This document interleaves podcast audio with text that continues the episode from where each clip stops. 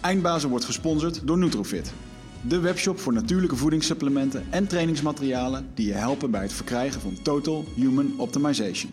Nutrofit is hofleverancier van merken zoals Onnit, Natural Stacks en Bulletproof Coffee. Probeer onze producten zonder risico door onze money back guarantee. Bezoek ons op www.nutrofit.nl. Bestel je voor 9 uur 's avonds, dan zorgen wij dat jouw bestelling de volgende dag geleverd wordt. Ja, nee, maar, maar, maar ik vind het fantastisch. Ik zei tegen zei ook, je bent niet goed, man. Ik zeg, waarom niet? Je mag legaal iemand in elkaar schoppen. Geen gedoe. Geen politie. Aha. Geen justitie. Ik zeg, dus je hebt toch het mooiste vak op de planeet, man. Ik zou het echt... eh, Als je erin door weet te breken en je weet het op een duurzame manier goed te doen, Ja. dan eh, heb je inderdaad, ah, dan heb je wel een heel spectaculair, mooi, glorieus beroep. Maar ik kan er slecht tegen dat die jongens... Ik weet ook dat ze niet verzekerd zijn. eh. Ja. Als een betaald voetballer krijgt hij tot zijn 35ste goed betaald. Deze jongens zijn gewoon eh, klaar, hè. Als je, als je je been breekt, dan heb je niks. Ja, en we hebben nu inmiddels wat... bij veel ondernemers ook zo. Ja, oké. Maar Ja. ik vind dit toch wel wat... Ja, ik vind zeker, meer topsport dan Ja. veel eh, Ja. andere. Ja, en we hebben wat mooie voorbeelden inmiddels van eh, eh, mensen die toch best wel lang in de vechtsport hebben meegedraaid. Ehm, zonder verzekering, zonder oude dagvoorziening, die nu toch ernstig gehavend zijn. Ehm, en ja, het, het heeft echt consequenties voor je op latere leeftijd. Ja. Al die impact op je hoofd. Bijvoorbeeld twee keer je neus gebroken in jouw specifieke geval. Hey, dat, het, het, het adds up. Je hebt ook veel geïncasseerd op je hoofd. En dat, eh, eh, dat moet wel als je full Ja. contact mee traint daar, snap je? Maar, de, maar ja, ja. Nee, en dan moet je, moet je nagaan, dan ben je een wedstrijdvechter. Dus dan is het nog het dubbele daarvan. Ja, en het adds up. En op, op latere leeftijd kun je daar gewoon last van krijgen. Dus ik denk dat het heel verstandig is dat je dit soort keuzes gemaakt hebt. Nou ja, het was niet eens een keuze. Wat moet je op een gegeven moment? Iemand zegt, ga je hier nog wat in doen? Ik zei, ja, ik word kampioen met de senioren. Moest Maar die is er niet zo. Oh, kut. Nou, dan ga ik wel Ja, ja, ja. ietsje rustiger aan. nee, ja. Hilarisch. Mooi. Ja. Nou, goed Vandaag in de studio hebben we Igor eh, de Beuker. Ja. Hij is professioneel vechtsporter. Ja, ja, ja. maar het is wel een mooie, eh, eh, ja, het is wel een, het is wel een gave naam, Beuker. Is helemaal goed. En je doet je naam ook eer aan. Dat is ook de reden waarom je hier zit. Want we, ik, werd toevallig, eh, iemand eh tagde volgens mij op LinkedIn Ja. van, hey, eh, je moet Ja, Igor eens uitnodigen. Mm. En toen dacht ik, ja, maar ik ken Igor want ik heb jou een paar keer op Instagram voorbij zien komen. Ook op sprekersbureaus en zo zag ik jou voorbij komen. En, dus de naam zat al wel ergens in mijn hoofd. En normaliter als het over trendwatchers gaat of over ehm, ja, futuristen en zo, we hebben dat wel eens gehad hier in de podcast. Ain't my Jeuk. favorite man. ik, eh, Ik vind ze geweldig. eh, ja, ja, ik zie dit echt als mensen die achter Twitter feitjes zitten te verzamelen en daar een mooi praatje over maken. En het, het boeide me gewoon niet. Uh, maar um, wat ik bij jou interessant vond, is dat ja, je hebt het ook echt gedaan. Je hebt bedrijven verkocht. Um, je, je, bent ernstig um, aan het pionieren met, met nieuwe media en bent daar ook succesvol mee geweest. Dus je praat uit een heel ander vat voor mij. En, uh, Kun je niet meer manager worden? Nee, dat gaat niet, hè? Zeker, ja. zeker. Alles is te koop, Igor. je hebt zelf een manager nodig, vriend. Ja? Hou eens op, ja. ja, veel maar, mensen boeit dat echt, echt helemaal niks. Je kan beter een boek schrijven, denk ik wel eens, want dan heb je het... Uh... Nee, maar ik vond dat juist het... Uh, dat, dat, um, en ik denk ook wel dat dat het uh, succes maakt. Want je staat met een bepaald, um, bepaald tempo en een bepaalde dedicatie op het podium. Um, laatst sprak ik over jou met iemand en die zei, ja, maar Igor uh, is wel een hele ego-gedreven spreker. Ik zeg, nou, dat maakt hem nou juist goed. Ja? Niet iemand die, uh, nou, in de zin van, je neemt wel een standpunt in. En Behoorlijk, ja. je, je, doet niet om, je bent niet bang om, om heilige huisjes om te, omver nee. te schoppen. Nee. Uh, dat is ook de reden waarom je in heel veel dingen gefaald bent in je leven. Tenminste, nog, mis, nog, misfit zoals je dat ja, noemt. Dus ja. ik dacht, nou ja, goed. Uh, en uh, jouw de bijnaam, ja, echt grandioos hoe dat iemand dat ooit bedacht heeft. Burning Man meets Ted. Dus nou, komt uit publiek hoor, reviews. Ja, ja, ja, leuk. Leuk toch, als mensen dat kunnen zeggen. Heb je wel eens, uh, heb je wel eens voor jezelf, uh, Remco Klaassen gaf dat hier als uh, idee, wat ik nu toepas op het moment dat ik spreek, van tevoren drie woorden opschrijven. Hoe dat je wil dat mensen jou ontvangen. En daarna als er een, een, een, een, enquête wordt gedaan, welke drie woorden kwamen erbij op bij deze presentatie? En dan kijken of dat het matcht met hetgeen wat jij bedacht. Ja? Dat is echt een, uh, ja, vond ik echt een hele tof. Slim. dan, dan kan je ook echt kijken of dat, je, of dat het overkomt wat je zegt. Ja. ja. Maar ik ga nog wel wat verder hoor. Ik ben een ja. beetje freaky. Ja? ja, ja. Ik, ik, ik maak van tevoren weddenschappen met mezelf. Ik ben natuurlijk een beetje data freak. Mm -hmm. Uh, en ik kijk natuurlijk wel heel erg naar welke slides worden het meest geshared. Wat connecten nou? Ik zit er ook altijd vijf naast. Dat, dus daar heb je hetzelfde al. Ja. Wat connect nou echt met mensen? En ik weet ook dat de ontvanger bepaalt de boodschap. Die bepaal ik niet. Dus het is mm. vaak perceptie, invulling. En mensen zijn ook gekleurd door ervaring, ideeën. Dus die zeggen, ja, hij zei dat. Nou, dat zei hij niet. Dat, dat maak je er nu zelf van. Ja, maar, maar, ja, ja. Dus ik ben me daar heel bewust van. En, uh, ja. Mooi. Uh, maar je bent, er, je bent in ieder geval een, een spreker die veel op pad is. En uh, ja. je bent ook veel in het buitenland bezig. En eh, ja, wat mij ook daarbij opviel is dat je er voor niet misstaande bedragen eh, wordt ingehuurd om, eh, om te kletsen over de toekomst en waar het naartoe gaat. En, Ja. Ja, dat is een hot item. Ehm, nou ja, vandaar, welkom in de studio. Dankjewel. Te gek om hier te zijn, Ja. want ik heb er al eh, wat achter de kiezen. Ik heb hele Ja. goede uitzendingen gezien. eh, vind ik echt Dat leuk. vind ik mooi om te horen. Maar je had het zojuist over, eh, we kunnen het vandaag heel veel hebben over content en alle dingen op. We hebben twee uur de tijd anyway. Dus, maar ehm, wat je zei, jullie zijn het levende bewijs dat long content werkt. Ja, Ben jij nog steeds zo aan het trekken bij bedrijven dat ze, dat ze hierin moeten investeren en wordt het niet gedaan? ja. Maar ik ben ook een beetje, de- laat ik zo zeggen, de rode draad in mijn leven is een eh, hele dunne lijn. En die zit altijd tussen, de scheidslijn tussen knettergek en visie, die is flinterdun. En soms is het een gut feeling of een sixth sense. Daarom vond ik in de intro leuk. Want daar kijken veel mensen helemaal niet naar. Ik, ik zeg wel eens, ja, je kunt erover schrijven en over spreken. En dat is ook belangrijk. Maar je kunt het in de praktijk ook doen. Op je bek gaan, eh, exits maken, weten waar je over lult. Dat vind ik heel belangrijk. En bijna niemand vindt dat. Dus dat vind ik leuk dat jou dat dan opvalt. Ja. Omdat ehm, iedereen heeft een mening. Ook, ook leuk. Maar ik denk dat het allerbelangrijkste is, is dat je in die scheidslijn eh, moet kunnen vertrouwen op een innerkompas. En dat leerde ik ooit een keer van een goede journalist, wist ik ook niet. Ik moest in 2000 of 2002, sprak ik met Peter Olsthoorn. En dat was toen best een eh gevreesde journalist. En ik was ook nerveus voor dat gesprek. En dat zei ik ook tegen hem. Ik zei, nou, ga je niet zo met zo'n lekker gevoel naartoe? Hoezo, zegt hij. Ik zeg, nou, omdat jij wel echt... En toen zei hij dus, en dat had ik zelf nooit kunnen bedenken. Dat zat ik ook nog aan het begin van mijn sprekerscurve. Toen was ik nog mensen aan het bellen. Hey, ik kan goed spreken. Mag ik op je podium? Tuut, tuut, tuut. Nee. Oké, klak. Nog één. Want zo gaat het natuurlijk. Hè. Mensen zien nu wat er is. Maar Ja, zo begaan de eerste jaren natuurlijk niet. Hè. En, ehm, maar daar leer je dat mensen tegen... Hij zei, ik wil met je praten omdat een aantal van je voorspellingen zijn uitgekomen. Ik zei, oké, welke? Mag ik dat ook eens zien? Want ik hield dat niet bij. Ik was nog helemaal niet bezig met... eh. En dan ga je op een gegeven moment leren vertrouwen op, op een aantal dingen...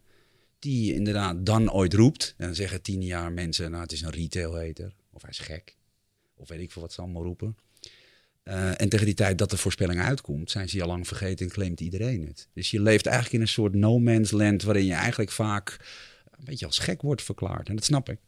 Maar het doet wel pijn, want je moet af en toe ook eh, eh, je nek uitsteken. En de een ziet dat als ego, en de ander zegt, ja, hij denkt dat hij het beter weet. En kijk hij nou. Maar je- ik zeg natuurlijk dingen vanuit een reden. Ik ben een man met een missie. Het gaat mij niet om geld. Ik geef meer geld uit aan content om mensen te helpen dan dat ik verdien. Dus ja, dat, dat vind ik niet zo heel raar. Maar dan kom je dus wel op, eh, op ja, soms moeilijke situaties. En ik vind het soms fijn om, eh, om dan voorspellingen. En ik hou het nu ook heel goed bij. Ik weet niet of mensen dat geloven, maar het is voor mij belangrijk dat ik doe graag voorspellingen. En ik wil weten of ze uitkomen of niet. Want dat bepaalt vooral ook je succes en je visie. En soms zit je er ook hartstikke naast. Prachtig. ja. Wat Maar- zijn er een aantal waar je bijzonder goed, eh, waar je bullseye had? Nou, eh, ik, ik ben ooit begonnen, het spreken ook een beetje begonnen. Ik ben eh, samen met een aantal mensen in 97 eh, een soort van het Interactive Advertising Bureau toen opgestart. Want wij dachten, ja, deze markt wordt groot en dan moeten we industrialiseren, professionaliseren. Er moeten regels komen. Het is een beetje een zootje, privacy, hacken. We moeten die industrie wel groot maken. En dan doe je een aantal voorspellingen over de val van print, televisie. En tot op het bedrag nauwkeurig en het jaar nauwkeurig. Dat klopt heel vaak. Een bekend voordeel, eh, voorbeeld was Blokker een paar jaar geleden in het Parool. Toen zei ik, het is lippenstift op een varken. Niet, niet Blokker, maar dat ging over de Sarah Jessica commercial. eh, Sarah Jessica Parker commercial. Oh, die van Friends of zo, hè? Was Ja, ja, die, die hadden ze. En, en dan word je heel lang re- retail-hater genoemd. Kijk, ik zie dingen anders. En mensen kunnen beter vragen, waarom zie je het anders? Dan dat je zegt, je bent een lul. Ja, dat mag van mij ook. Maar als die voorspellingen steeds uitkomen... eh, ik zou me dan eerder afvragen, wat voor model heb jij? Waar, waar ligt die glazen bol, gast? En ik heb een model ontwikkeld de afgelopen twintig jaar... waarin ik ja, trends ook vrij goed kan voorspellen. Weet je nooit zeker, hè? Want wetgeving kan zeggen... nou, self-driving cars duurt nog tien jaar. Dus het is technologie, keer trends, keer nog wat. Maar dat is een soort, kijk, ik weet dat heel veel merken geven miljoenen en miljarden uit aan terugkijkend marktonderzoek, paid panels en polls. Nou, daar kregen we Brexit van en Trump hadden we niet zien aankomen. Ja. Kodak, eh, Blockbuster, Nokia, alles flikkert om. En die hebben dure consultants en IBM en McKinsey. En ze hebben miljarden in advertising en terugkijkend marktonderzoek en dit en dat en zus en zo.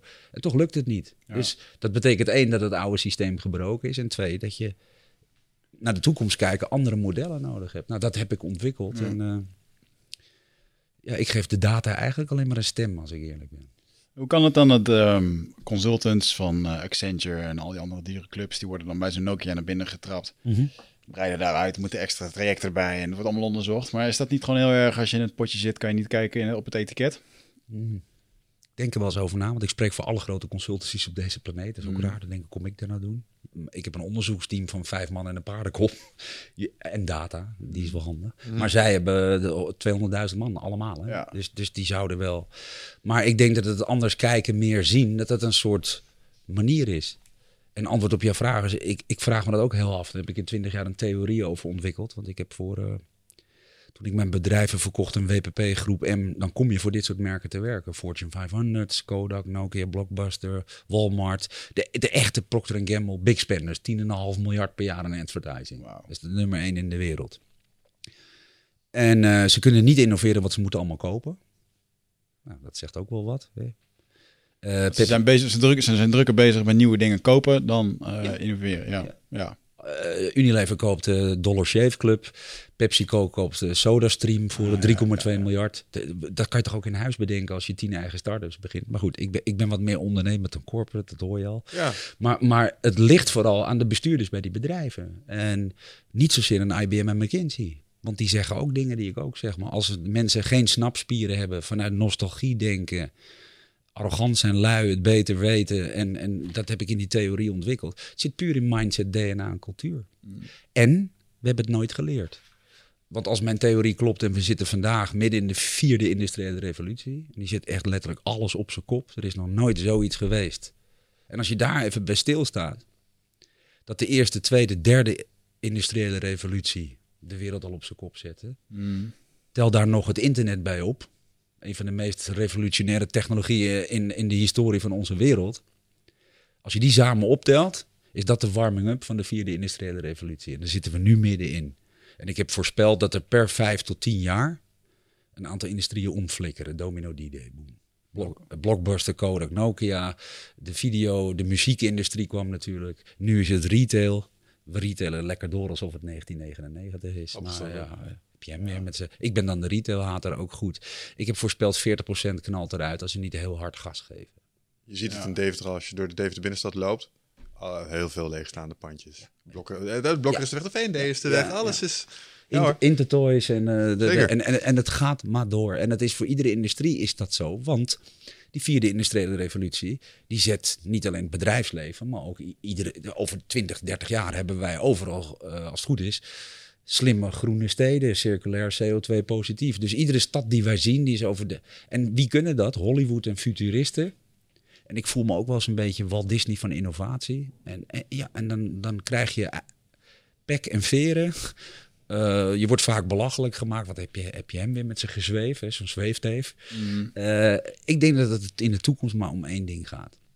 Dat is, heb je, de, heb je, de, heb je genoeg inlevingsvermogen of imagination om de toekomst te kunnen zien? Het gaat niet om of je gelijk hebt of niet. Ik weet ook niet wanneer de regering zegt... zelfrijdende auto's mogen nu wel en straks niet. Dus ik kan er ook naast zitten in mijn voorspelling. Mhm. Maar het gaat er meer om, als je de sense of urgency ziet van mijn verhaal en, en die vierde industriële revolutie zet iedere industrie en alles volledig op zijn kop. Ja, dan is dat niet. En, en, en zelfs in de industrie waarin ik eigenlijk uitkom, in marketing, media, innovatie. Ik, ik, ja, ik word niet heel geliefd. The power to be disliked.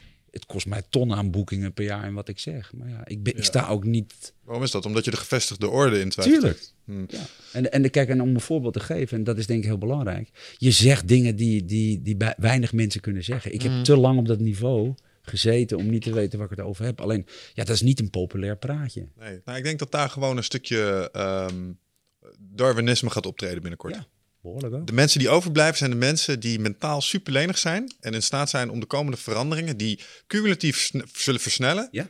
te kunnen integreren in hun bestaan. Want als ik, als ik kijk naar hoe bijvoorbeeld mijn vader op iets latere leeftijd eh, technologie integreert, doet hij nog best wel aardig voor iemand van zijn leeftijd, Ja, weet je wel. Dus die, die kan dat meemaken. Maar er zijn ook mensen die zitten zo vastgeroest in hun denken. Elke nieuwe stap doet ze zeer of zo. Ja. En de, de wijzigingen, nou het mag dan wel, maar dan moet het heel geleidelijk zijn. En ik, ik Ja. deel jouw kijk op ehm, de industriële revolutie. Alleen ik denk ook direct naar wat daarachter zit. We hebben het hier ook wel eens gehad over, oeh, maar wat als die ding, als je het kijkt vanuit trend, Ja. het gaat zo hè. Maar het gaat op een gegeven moment ook Cumulatief. Dus nu volgen we de wijzigingen nog wel, want dat kan onze mensengeest enigszins aan. Maar wat nou als je om het jaar technologische impact, eh, eh, zeg maar, disruptors hebt als Facebook, of weet ik veel wat, wat hele, hele economieën op zijn kop zet? ja.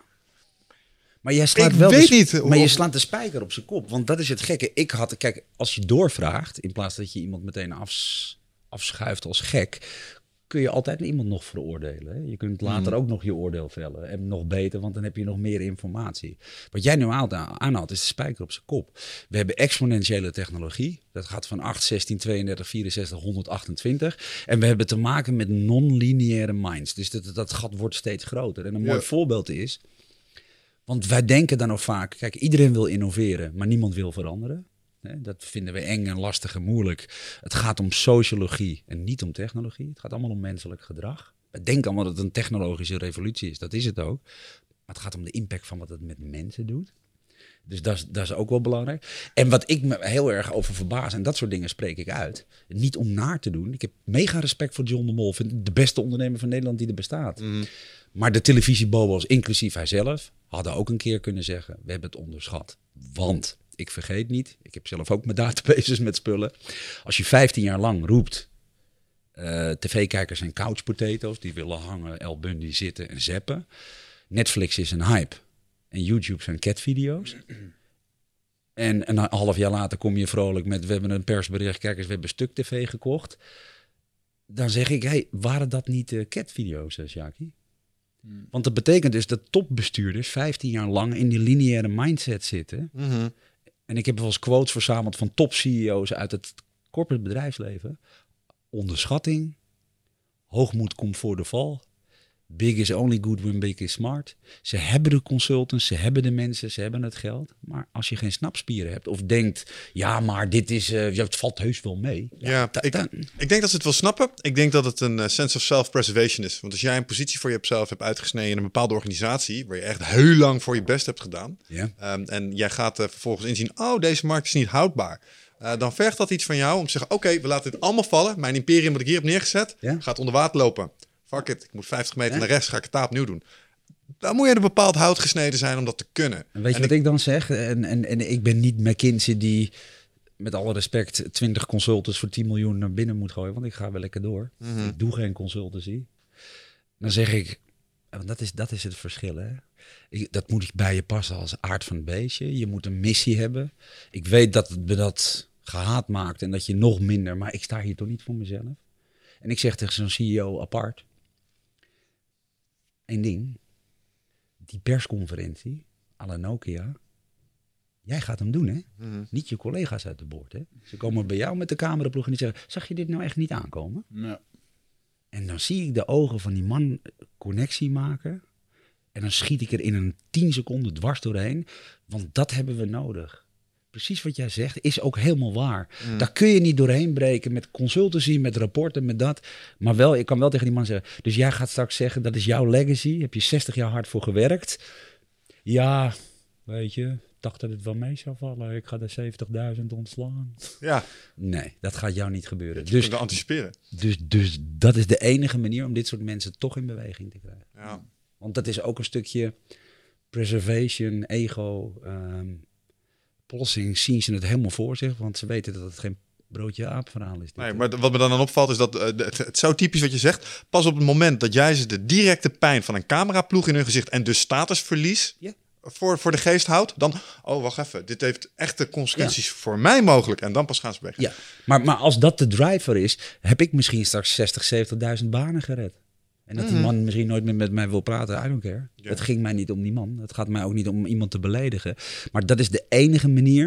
Want dan zeggen ze, ja, kan niet positief. Van kun je niet. Ja, maar die tijd is er niet. Mm -hmm. De markt uh, bepaalt. En, en het gaat om te grote belangen. Want stel je voor dat dit nog even doorgaat. Dan is de economie is kapot. Um, er zijn heel veel mensen werkloos. En, en dan komen we echt in een grote ellende. En ik denk niet dat dat nodig is. Nee. Want revolutie betekent niet evolutie. En wat je zei over Darwin, het heet ook experts noemen het digitaal Darwinisme. Ja. Maar dan wel op steroïden. Het is geen evolutie, het is een revolutietheorie dit keer. Maar het gaat dus, ook allemaal iets, iets sneller. Het, het, doet mij wel eens denken aan hoe dat bij bacteriën gaat, generatie op generatie. Het gaat super snel tegenwoordig. Ja. En het is bijna niet meer te tracken wat, wat de selectie ja. doorkomt. Als je bijvoorbeeld kijkt naar alleen al naar softwareland, ontwikkelmethodieken en dat soort dingen. Het is een wildgroei. En er zijn er maar een paar die het redden, maar het is iteratie op iteratie en ze lenen allemaal van elkaar. Ja. En ik ben, als je daar even een paar maandjes uit bent en je komt weer terug, dan holy shit, het hele speelveld is helemaal veranderd. En dat vind ik fascinerend. Maar het is, toch ook van, het is toch ook mooi om dit mee te mogen. Maar ik vind dit de mooiste periode. Ik hoop dat ik daarom al 108 of 118 word. Want Mm. ik, ik, ik vind deze ontwikkeling... eh, ja, het is ook een, groot voorrecht om dit mee te mogen maken. Ja, ik kan me nog herinneren dat ik gesprek had met eh, mijn oude buurjongen. Ga ik nog steeds mee om. Joost. En Joost was, eh voor, was een VWO, was voor zijn leeftijd al slim. Toen hadden we het over teletext. Zo van teletext. Oh, het zou toch vet zijn als je hier een spelletje op kon spelen, weet je wel. Hij zo, let maar op, er komt straks een tijd dat teletext interactief is. Kun je gewoon uitkiezen wat je wil, weet je wel. En dat werd het internet. Maar dat, dat wij die hele transitie... Weet je nog dat je soms zat je te vervelen op middag, zat je maar een beetje op teletext te kijken, weet je wel. Want dat, want dat was interactief of zo. Oh, man, ik heb dit weekend mijn eerste spelletje gedaan op Netflix. Ken je die Bear Grylls? Ja, ja, ja. ja, ja, die, interactieve eh, die gaat gewoon eh, een of andere missie in de jungle. En dan kan jij kiezen of dat hij zijn kattenpult meeneemt of eh, zijn schepje. En dan da- Oh, ja. op basis Ja. daarvan gaat dat hele verhaal. Black Mirror doet het ook al. Kun je keuzes maken in het verhaal en dan... Ja, dat Maar, dat, maar daar heb je het alweer. Wat jij allemaal zegt, alles wat interactief is, is, is non-lineair. Mhm. En wij denken allemaal nog in dinsdagavond half negen Sex in the City. Nee, je flikkert iets eruit en mensen gaan kijken. Ja, maar dat is wel iets, dat ga ik dus wel echt missen. Wat? Want dat heb ik nu niet meer. Nou, vroeger kon je de tv aanzetten, vrijdagavond, Ja. half negen, pap. Fucking hell, Terminator 2 op Ja. tv. Yes, Ja. dat is leuk. Er is nu een vette film op tv. Maar dat kan ook nog blijven. Ja, ja, ja had je dat niet vroeger? Ja, maar nu, kijk. nu ga je Netflixen en nu ik ga deze film opzetten. Je komt niet meer toevallig een vette film op tv tegen. Nee, maar nu is het zo. Ik kijk Netflix, vet, ze hebben drie nieuwe films. Nee, ja, natuurlijk. En, en dat is ook beter. Maar dat, dat feno, specifieke fenomeen zal nog maar een heel beperkt Maar dat is ook gek, want er komt ook weer terug als televisie anders gaat denken. Kijk, wat, wat de internetbedrijven, en dat is wat ik lang geleden voorspelde, ook gelukkig ligt het dan op video vast. Kijk, tv was een zender, zo heette het ook. Jij ging gewoon tegen mensen aankakelen dinsdagavond half negen en de mensen kwamen kijken. Ja. Maar er waren ook, dat is uit de tijd van de drie tv-zenders en toen werden het er wat meer.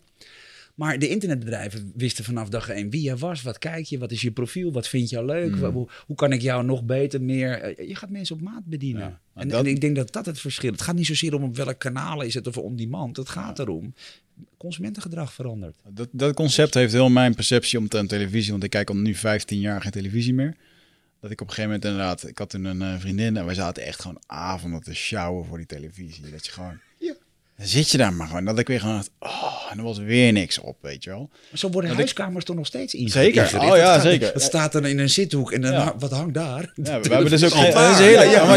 Het is heel heerlijk dat ik de laatste twee huizen die ik heb ingericht... niet heb ingericht omdat de televisie ergens moest staan. Ik heb gewoon geen tv meer, punt. Maar gewoon dat, dat idee van dat je, eh, dat je een kutavond hebt... omdat er niks leuks is op televisie.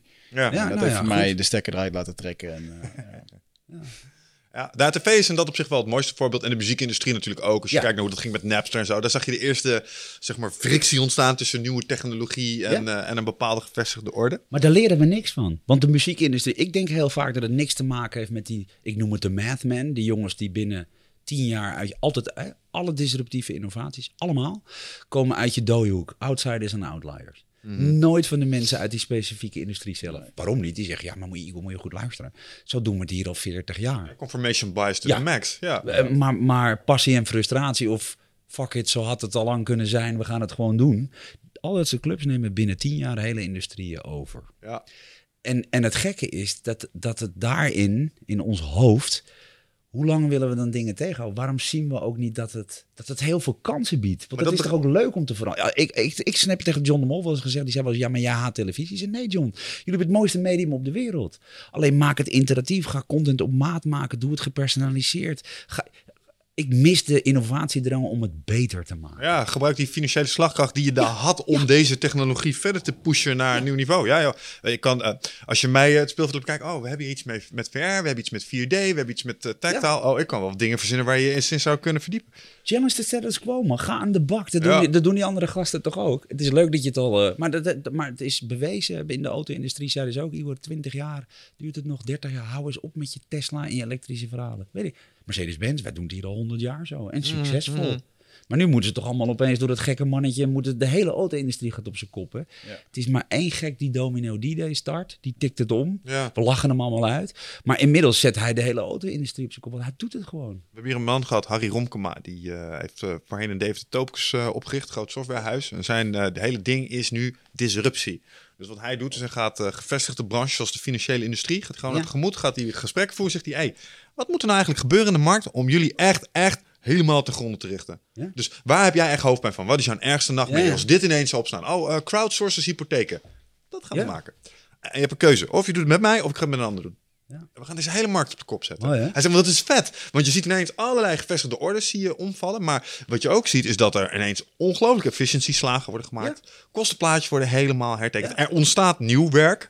Wat, Ja, wat ook interessant is. Ja. Want een boel mensen denken, oh, als we dit innoveren, dan valt er werk weg. Daar heb ik zo trouwens nog wel een vraag over. Ja, maar graag. het- het- te- tegelijkertijd, dat, dat disrupten zorgt altijd voor... Ja, het is even pijnlijk, want er zit een sterfproces aan. Maar het is ook een soort phoenix, als het goed is. Want er komt uit het as ook weer iets Maar nieuws kijk, en beters. ik denk dat dat heel belangrijk is. Want ik hou heel erg van die kern. Want als je...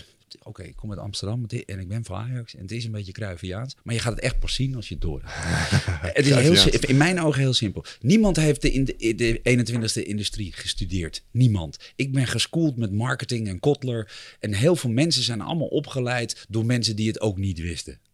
Nee, maar dat is echt zo. Dus er is een hele generatie afgezet. Die is goed voor de 20ste eeuw. Maar daar leven we niet meer in al een tijdje. Politieke, educatieve, financiële systemen zijn allemaal gemaakt voor de 20ste eeuw. En dat is Windows 3.0. Dus we kunnen al lang 12 eruit. We willen upgraden, blockchain, dan is het veilig, transparant en dat. En zo zijn er nog heel veel dingen.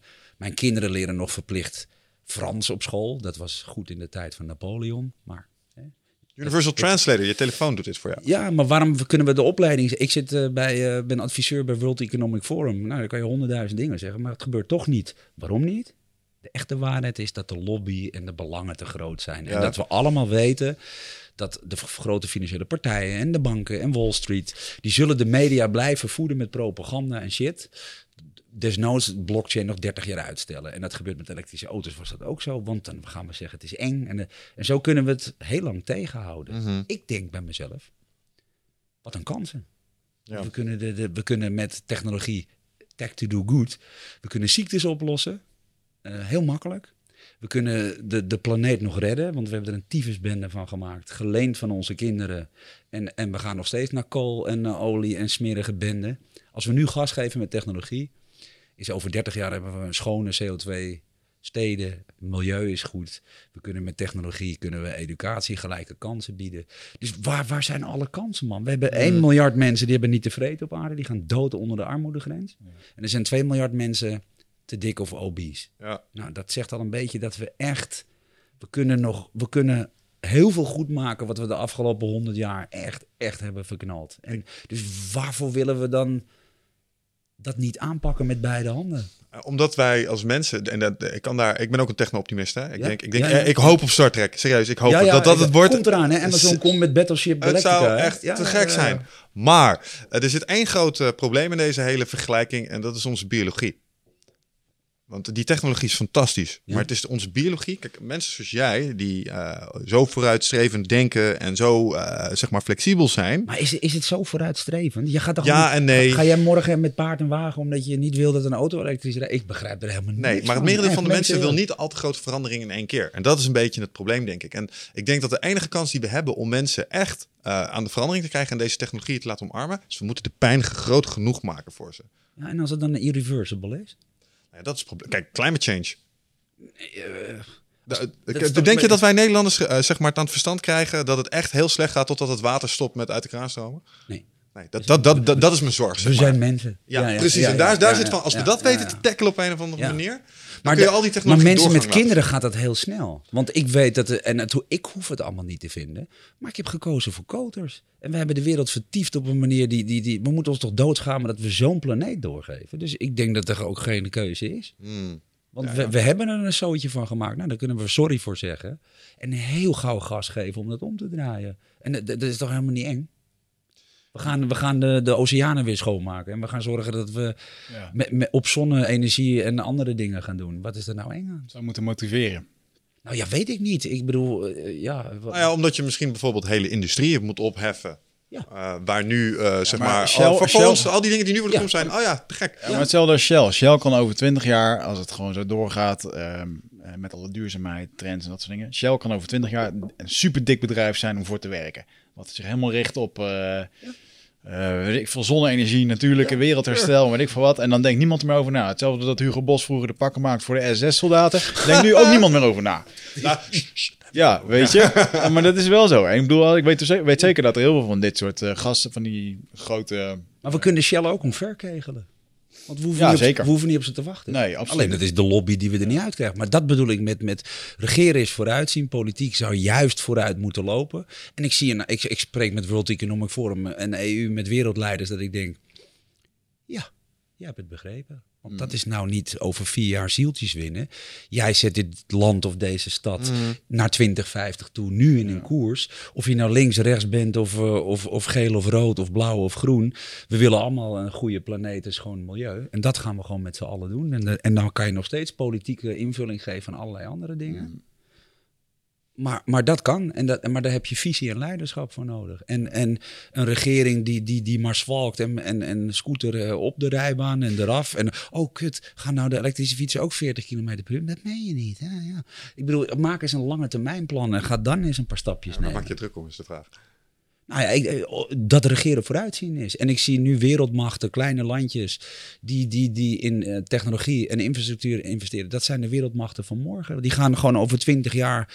eh, Israël is een land, en ik durf het niet eens maar hardop te zeggen. Want dan zeggen ze, ja, weet je wel wat ze met de.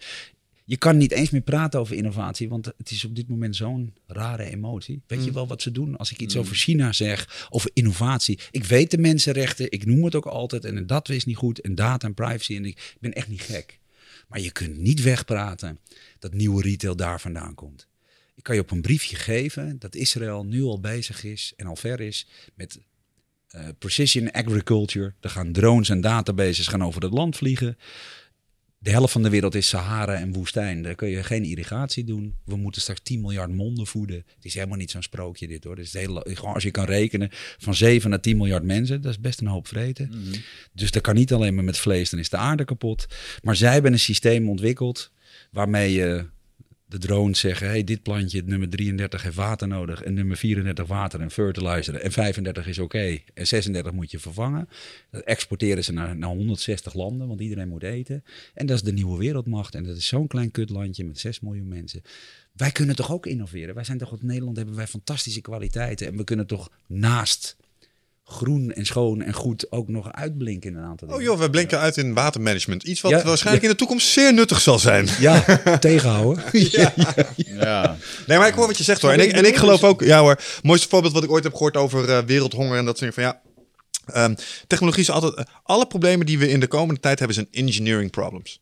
Allemaal te tackelen met Nou, technologie. Ja, eerst met mindset. Nee, eens, maar bijvoorbeeld eh, wereldhonger, eh, ruimte, Ja. ruimteboerderijen. Ver- Verzin iets. Of eh, di- Ja. dit wat je hier zegt. Dus er is altijd wel een technologische oplossing voor te vinden. Dat snap ik. Het enige wat ik daar straks probeerde te maken, het punt is dat eer bepaalde segmenten in beweging komen, Ja. moet er ergens iets van een ongemak worden ervaren. Of een outside force zijn die je doordrukt. Ik heb wel eens, ja, dan kom je in de conspiracy hoek. Ik heb wel eens gedacht, het beste wat zou kunnen gebeuren op dit moment om de zooi te regelen is een NWO. New World Order. Gewoon één overheid Ja. voor Ja. de hele wereld die zegt, hey, daar doen we het zo, daar doen we het zo. Politieke systemen, en net als de educatieve en de financiële systemen, zijn niet meer gemaakt voor deze eeuw. Gaat gewoon niet meer. Dus Ja. dat is ook niet zo raar in een revolutie. Want, want ja, je gaat toch ook niet nu in paard en wagen rondrijden terwijl je elektrisch aan de gang kunt, lekker schoon. En, eh, maar ja, Mobilisatie heeft zijn nadelen, maar ik denk dat als je deze puzzel wil oplossen, dat je er niet helemaal aan ontkomt. En technologie stelt dat in heel mooi in Ja. staat om te doen. Ja. Dus, uh, maar als we dan kijken naar trends, je had het er straks over iets dat heet uh, Industrie 4.0, dat is een voorloper voor andere dingen. Wat, wat zijn componenten van trends die daarin zitten? We hebben het over gehad over uh, automatische auto's, internet was er één. Ja. Ik geloof heel erg sterk in dat AI iets gaat doen in de toekomst. AI, robotisering, automatisering. Ja. Laten we daar eens even over hebben. Wat zijn trends waar we op korte termijn mee te maken gaan krijgen?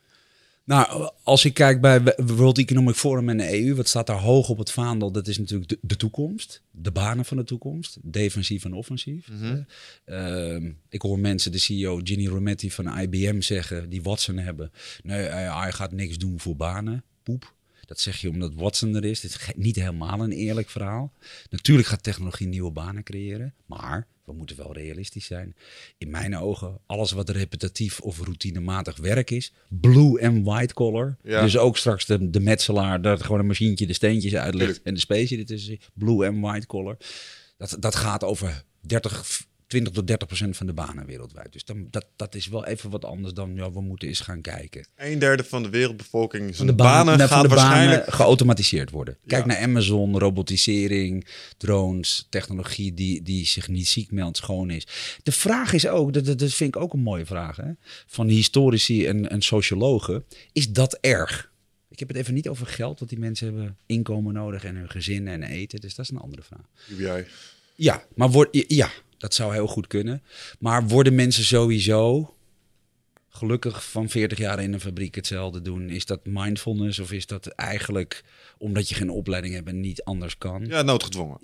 Wordt goed. Dat het geld nodig is, is wat anders. Dat die mensen moeten eten, een huur betalen en hun kinderen voeden is twee. Maar dan kunnen we heel makkelijk natuurlijk ook wel gaan kijken naar wat zijn dan de banen van de toekomst? Weten we ook vaak al. Alleen het probleem is, ik zei net tegen je, niemand is opgeleid voor Industrie 4.0. Ik ook niet. Dus hoe gaan we opleiding voor de toekomst maken? Dan moet je nu snappen wat er gaat gebeuren. En die opleidingen ook gaan doordrukken. Want ik zeg bijvoorbeeld Economic Forum ook tegen de wereldleiders. Ik hoor nu voor het tiende jaar het verhaal, we gaan het doen. En het gebeurt niet. Dus zullen we daarna ook een beetje gas gaan geven? Want Ja. mijn kinderen leren Duits en Frans op school. Verplicht. Verplicht. Waarom? We krijgen het educatiesysteem niet om. Mijn kind zou ook mogen zeggen, nou, doe mij maar de Chinees en Spaans. Ja, Ja. wat Dan kan, handig. Dan Ja. kan ik met 2 miljard mensen communiceren en ik zit op een internationale handelsschool. Maar nee, nee, het moet Frans en Duits blijven. Want dat was vroeger zo. Ja. Maar in de toekomst zijn dat geen wereldeconomieën, dat zijn speeltuinverenigingen. Ja. Nee, ja, maar even serieus vergeleken met China, India Ja, nee, eens. en, en dat soort landen, murder by numbers. Maar goed, dat is ook de Amerikaanse pers. Ik vind dat de media, en ik, ik zal er altijd op terug blijven komen, de belangrijkste rol heeft de media. Hmm. Die hebben zelf zo onder druk gestaan door ook te laten innoveren. Dat, dat er heel veel paniek en sensatienieuws en fake nieuws getolereerd werd of gecreëerd werd. Want dan verkocht je nog zieltjes en krantjes of nieuws. Dus dat is heel erg. Want de media spelen de allerbelangrijkste rol in, in dingen uitzoeken. Mhm. Ik ben de, de laatste twee keer, dus ik probeer het even niet meer, Amerika eh, niet ingekomen.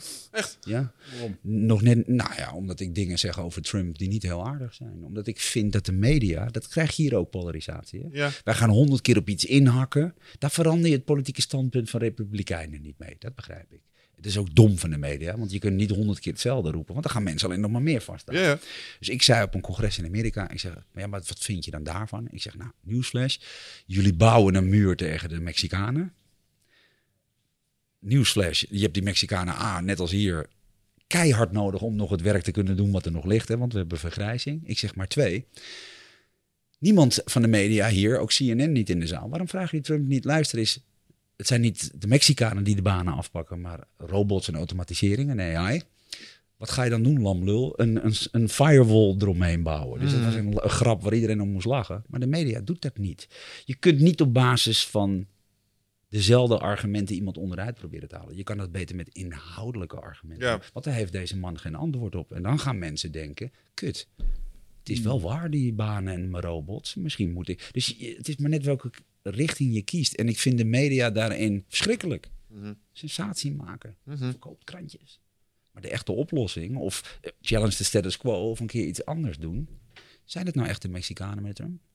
Dus ja, nou, eh, uit eh, de internationale groei en spreken is Amerika even... Ja. I, I am banned. Ik, weet niet hoe lang dat echt wel duurt. eens over zitten nadenken over hoe je eh, in dat opzicht traditionele media kunt, eh, eh, zeg maar, kunt omzeilen, omdat ze nog zo'n impact hebben. Kijk, een van de technologische ontwikkelingen. We hebben het hier wel eens gehad over hoe kun je climate change nou echt veranderen? Mensen hun gedrag eh, zeg maar omgooien. Waarom gebruiken we niet de infrastructuur die we daar inmiddels voor hebben neergezet? We hebben bewezen dat we Facebook kunnen inzetten om gedrag te manipuleren. Ja. Kun kun je ook ten gunste inzetten. Nou, wil je daar een eerlijk of een naïef antwoord op? Ik wil daar graag een bloedeerlijk antwoord Ja? Ongezouten. Nou, oké. Ik ben zo'n debiel die heel lang denkt... Nou, de, de groei van social media... We hebben powerful platformen om, de, om sociale discussies aan te wakkeren. En we kunnen de wereld echt verbeteren. De, de, de, de colla- collaborative eco en not ego systems. We kunnen samen... We hebben het.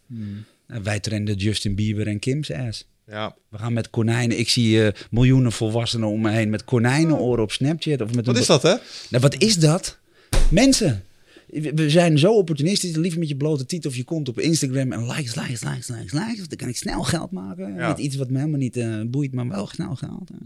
En, en dat, eh, zo gebruiken wij zo. Ja, dan kom je weer terug op die combinatie tussen biologie en technologie, waar we het net over hadden. Want het grapje dat we hier wel eens hebben gemaakt is, stel je toch eens voor, buitenaardse wezens hangen hier om, eh, om de planeet heen. We hebben een ambassadeur, ambassadeur nodig. Jij wordt het. Jij mag ze de rondleiding hier geven. Hier, dit is het Witte Huis, dit is eh, de Buitenhof, dit is eh, zeg maar Madurodam. Oh ja, dit is het internet. Oh cool, jullie hebben een internationaal netwerk. Ja, is vet man. Wat doen Ja. jullie er allemaal op? Ja, Ja. weer de beurs, porno, weet Ja, je wel. ja. ja. Gokken, ja, en vooral tegenwoordig. Ik denk ook wel eens bij mezelf. Nou, ik ben een beetje te oud, omroep Max on Tour. Maar mensen zeggen wel eens voor de grap, waar ga je niet in een strakke gele speedo à la Dries? Ik kan veel meer geld verdienen met, met, met likes en influential stuff dan met een serieus praatje houden. Dan zeggen ze ook wel eens, waarom heb je zo weinig volgers? Ik zeg, nou ja, dat zijn de wereld, eh, wereldleiders. Dat zijn er niet zoveel. Ja. Maar je, je moet natuurlijk eh, een beetje meer de kant op met eh, Kim Kardashian. En, eh, want het gaat allemaal om in. We zijn zo fucking opportunistisch en we zijn zo korte termijn. Mhm. Ik heb een stiefdochter die roept ook, eh, Snapchat is my life. En die doen fotoshoots op Instagram. En, die, en, en ik zeg wel eens, niet iedereen kan Cristiano Ronaldo worden of Kylie Jenner. Is er een plan B? Eh, eh, En is dat er? eh, nee. Nee. Nee, nee. Maar dan ben ik een oude lul die loopt te zeiken. Dus ja, ik snap het wel. Nou ja, aan de andere kant wordt je ook verteld, eh sky is the limit en je kan precies worden wat je zelf wil. En eh, zeg maar, het leven is een droom en dat kan je ergens zoals je wil. Dus dat is ook tegelijkertijd wel het gedachtegoed wat je in het Westen meekrijgt. Dus ja, can't blame him for trying, tegelijkertijd. Nou, weet ik niet. maar je moet ook realistisch blijven. Ik, ik kan me ook wel eens voorstellen dat het ook leuk is dat je iets wil worden waar je echt passie voor hebt. Maar dat was vroeger, denk ik. Dat je voetballer of balletdanser of politieagent of daarna eh, popstar, DJ of weet ik veel wat. Ik denk ook niet ergens dat je die droom hebt. Als je er maar achteraan gaat en dan er zelf achterkomt dat het niet werkt. hey, dan is het een mooie les voor je geweest. Ja. Dat denk ik ook. Dat hoop ik. Nou, dat vind ik wel. Ik vind met deze entitled generatie moet je maar eens talks van Simon Sinek kijken over millennials en daaronder. Wa- Wat er dan met ze gebeurt. Oh, hoe zei je dat? Over? Nou, over, over, over entitled gedrag van Gen Z en millennials en, en kinderen die door onze generatie ouders echt, echt opgefukt is. Want waarom doen we dat? Die denken maar dat ze bij alles de poedelprijs krijgen. Dit, heel veel van Ah, nee, daar ben ik helemaal met je eens. kinderen kunnen heel moeilijk in het bedrijfsleven integreren. Dat komt door de ouders. Wij hebben gezegd dat ze nergens hun best voor hoeven te doen. Dat doen zij niet. Ah, De nee, dan, dat, ja, dat vind ik nou, natuurlijk. Maar ik vind wel dat ik. kinderen eh, springen van een brug straks. We krijgen echt, eh, als het niet lukt, eh, influencer worden. Ja, nu is mijn leven kapot. Eh, ja, maar ja, maar goed, dat is dan wel het verhaal. Ik wilde vroeger ook eh, bij het leger, is ook niet gelukt. En eh, misschien wil ik ook wel piloot worden. En als je, er zijn ook wel mensen die daarvoor afgewezen zijn, Ja. weet je wel. Ja, maar wat deed jij toen? Teleurgesteld? Ehm, Op zijn minst even. ja, zeker Ja. wel. Ja, tuurlijk. Ja. Maar? En toen ben ik een andere keuze doen. Nou, dan ging ik het anders gaan doen. Wel richting een sport. Ja. Nu mogen we het alsnog doen dit jaar. maar, dat is, maar dat is karma, bitch. Dat mogen- krijg je nee, terug. Je krijgt, nee, nee, maar ik geloof echt, als je hart en ziel hebt en je doet je best, komt het echt een keer bij je terug. Maar ja, ik ben gek en ik ben oldschool. Want als het allemaal niet instant satisfaction is en morgen niet lukt, nou, dan hoeft het ook niet meer. Dan kap ik ermee. En dan, ja, ja, zo werkt het. Ja, ja. Je moet het raam openzetten en dan komt er 100 miljoen naar binnen waaien. Ja, ja, ik snap het. En tegelijkertijd, ik zie het bij mijn neefjes ook. Ik begrijp het ook wel weer. Want alles wat zij willen, is er ook gewoon direct. Het is er ook Ja. gewoon direct. Wij moesten vroeger wachten Ja. op shit. Eh, zoals contact of eh, telefoon of wat dan ook. Het feit dat ze nu direct zijn appen met elkaar. Ik krijg appjes van mijn neefje Ja, ja, van tien, weet je wel. En het, het, het gaat een stuk sneller. Dus tegelijkertijd, ja, als je niet anders gewend bent, dan is dat verwachtings, verwachtingspatroon wat je hebt, is ook Maar, zo maar, geprimed. maar zijn wij er niet ouders voor om ook te zeggen dat het niet overal zo werkt? Want in het bedrijfsleven, dat zegt Simon Sinek ook na acht maanden, I cannot make an impact. Wij willen hier binnen twee jaar CEO worden. En weet je wat ook nog? Het liefst vanaf Bali, want ik ga wel even surfen. Ja, ja, digital nomad, tuurlijk. Ja, ja, maar- nee. Ja, maar ik bedoel, kan iemand dan tegen die kinderen zeggen, jongens, nieuwsflash, zo werkt het. Dit- Dat, dat, dat is toch opvoeden? ja. Ik, kreeg dat het, dat ik was wat eigenwijs, ben ik nog. Maar ik mocht wel eens kiezen vroeger van mijn opa en oma. Ik ben met mijn grootouders opgevoed. Ben ze dankbaar. Maar dat vond ik toen niet zo leuk. Dan zeiden ze de rubber of de rieten mattenklopper. Nee, nee, ja, ja. En, dan, en dan mocht ik kiezen. Maar, maar wij hebben toch ook af en toe wel... Ja, nee, ja, ik, mocht, ik had nog keuze. Het was heel interactief. Nou, echt waar. Dan zat ik een week zo op school en een andere week zo. Maar ik heb wel geleerd te knokken. En als je iets wil, moet het geworteld zijn. En dan moet je je beste voor doen. Je, of, een, of je moet een erfenis krijgen. Dan ben je morgen rijk en klaar. En dan kun je... Ja. Maar ook als je influencer wil worden, zul je hard moeten werken. Je best moeten doen. En, en- Ja, ik denk toch dat je kunt het je kids wel meegeven. Waar ik het bij mijn neefjes nu heel goed zie gaan, zitten allebei nu op vechtsport.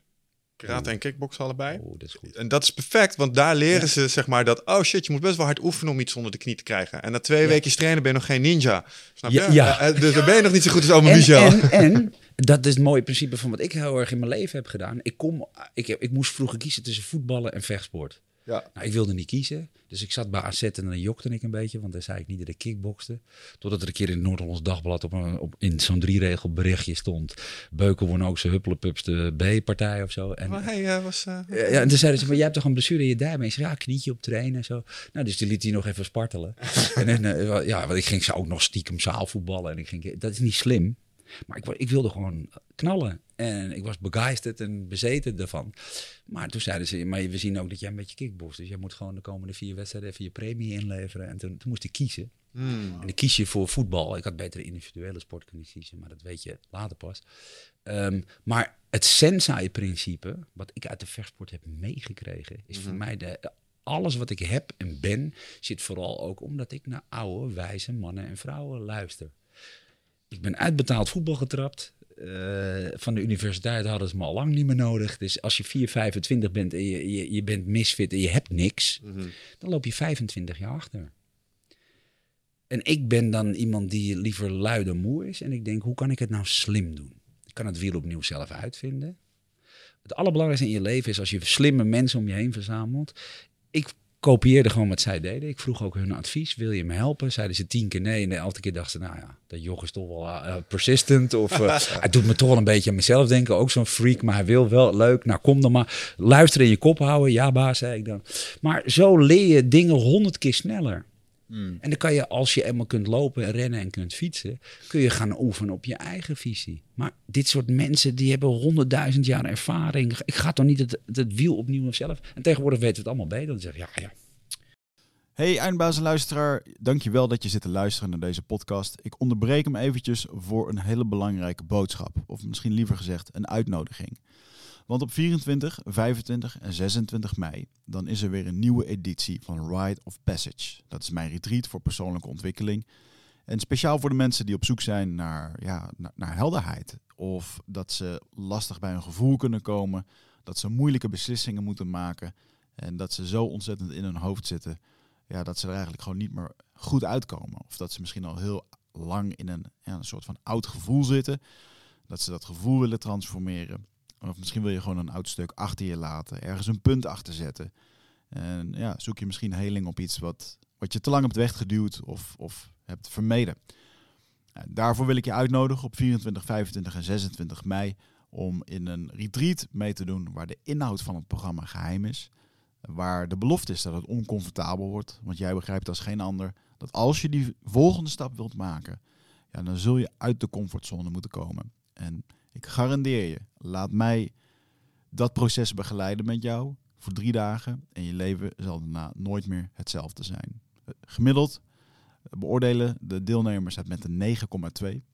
En daar ben ik ontzettend trots op. Er is ook een money back guarantee. Heb je de drie dagen vol, volbracht en vind je het niks, krijg je gewoon je geld terug. Dus het enige risico wat er is, is dat je gelukkiger kan worden. Ik zie je Bride of Passage. Ga naar wichertmeerman.nl en klik op Retreat. Wat weet jij nou oldschool? Ja, nou, dan ga je toch Wat zelf weet, jij doen. nog, wat weet jij nou? Eh, hoe ouder ja. ik word, hoe meer ik erachter kom hoe weinig mijn ouders eigenlijk wisten. Ja. Ze deden ook maar wat ze goed Ja. dunkten, maar die wisten niet, niet gek veel meer Nee. als ik. Want ik ben Nee. even oud als mijn vader Nee, maar die was. vertelden jou wat zij geleerd hadden. Dus dat, Ja. is, dat, dat is logisch. Maar dat is ook uh, outdated en old school. Ja, en hoeveel ze eigenlijk ook niet wisten achteraf. Wat wist mijn vader nou over eigenlijk een kind opvoeden? Anders dan wat hij geleerd had van zijn vader over hoe je dat moest doen. Of Ja. over de wereld. Eh, Want die wist nogmaals evenveel ervan als ik er nu van weet. En ik weet dat ik er geen reet van weet. Dus hij kon niet anders. Maar dat is wel mooi met oude mensen, want die hebben ook levenservaring. En ik, en ik denk dat alles wat ik doe vandaag, dat heeft me uiteindelijk gemaakt tot wie ik ben en wat ik doe. En ik, ja, ik ben Ja. door, door mijn op en oma opgevoed. En, en de normen en de waarden en de, en de lessen die ik van hen heb geleerd, is, is waarom ik doe wat ik doe. Vind ik het mooiste van mensen die ouder zijn. Die zijn zo lekker kernachtig over waar het echt om gaat. We hebben wel. Paul de Blot gehad. Hoe oud was die man? 96.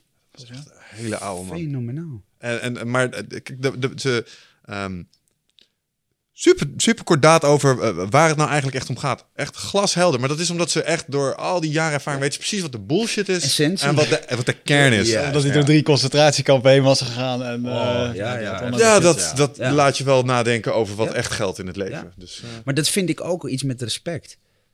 Het maakt toch geen flikker uit hoe oud je bent. Het gaat toch om je mindset. Mm. En, en als iemand een frisse mind heeft en open-minded is, dan ben je 127. Ja, je hebt meer ervaring. Maar je moet wel willen luisteren. En dat is Dat het is het. mooie met heel veel mensen. We zeggen ze, waarom ben je zo snel succesvol? geworden? Dat kan toch eigenlijk niet? Want je begon met 25 op nul. Nee, nee, ik ging 400 km per uur. Waarom? Ik heb een paar mensen om me heen verzameld. Die zijn er gewoon zo doen. Het is ook vertrouwen, hè? Ja, maar weet je het Hij zegt, als je het zelf beter weet, hoef je mij niet te vragen. Dat zegt een sensei ook. Je gaat niet aan Mm. de sensei. Kan ik niet ook... eh, Ja, ja, we zitten nu midden in het proces.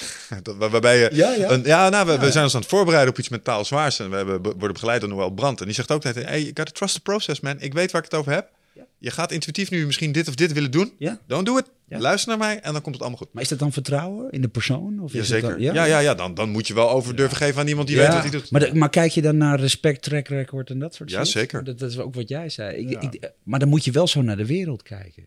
Mensen kijken wat- bij mij ook wel eens tegen. Ja, maar je hebt weinig likes, dus eh, wat een eikel.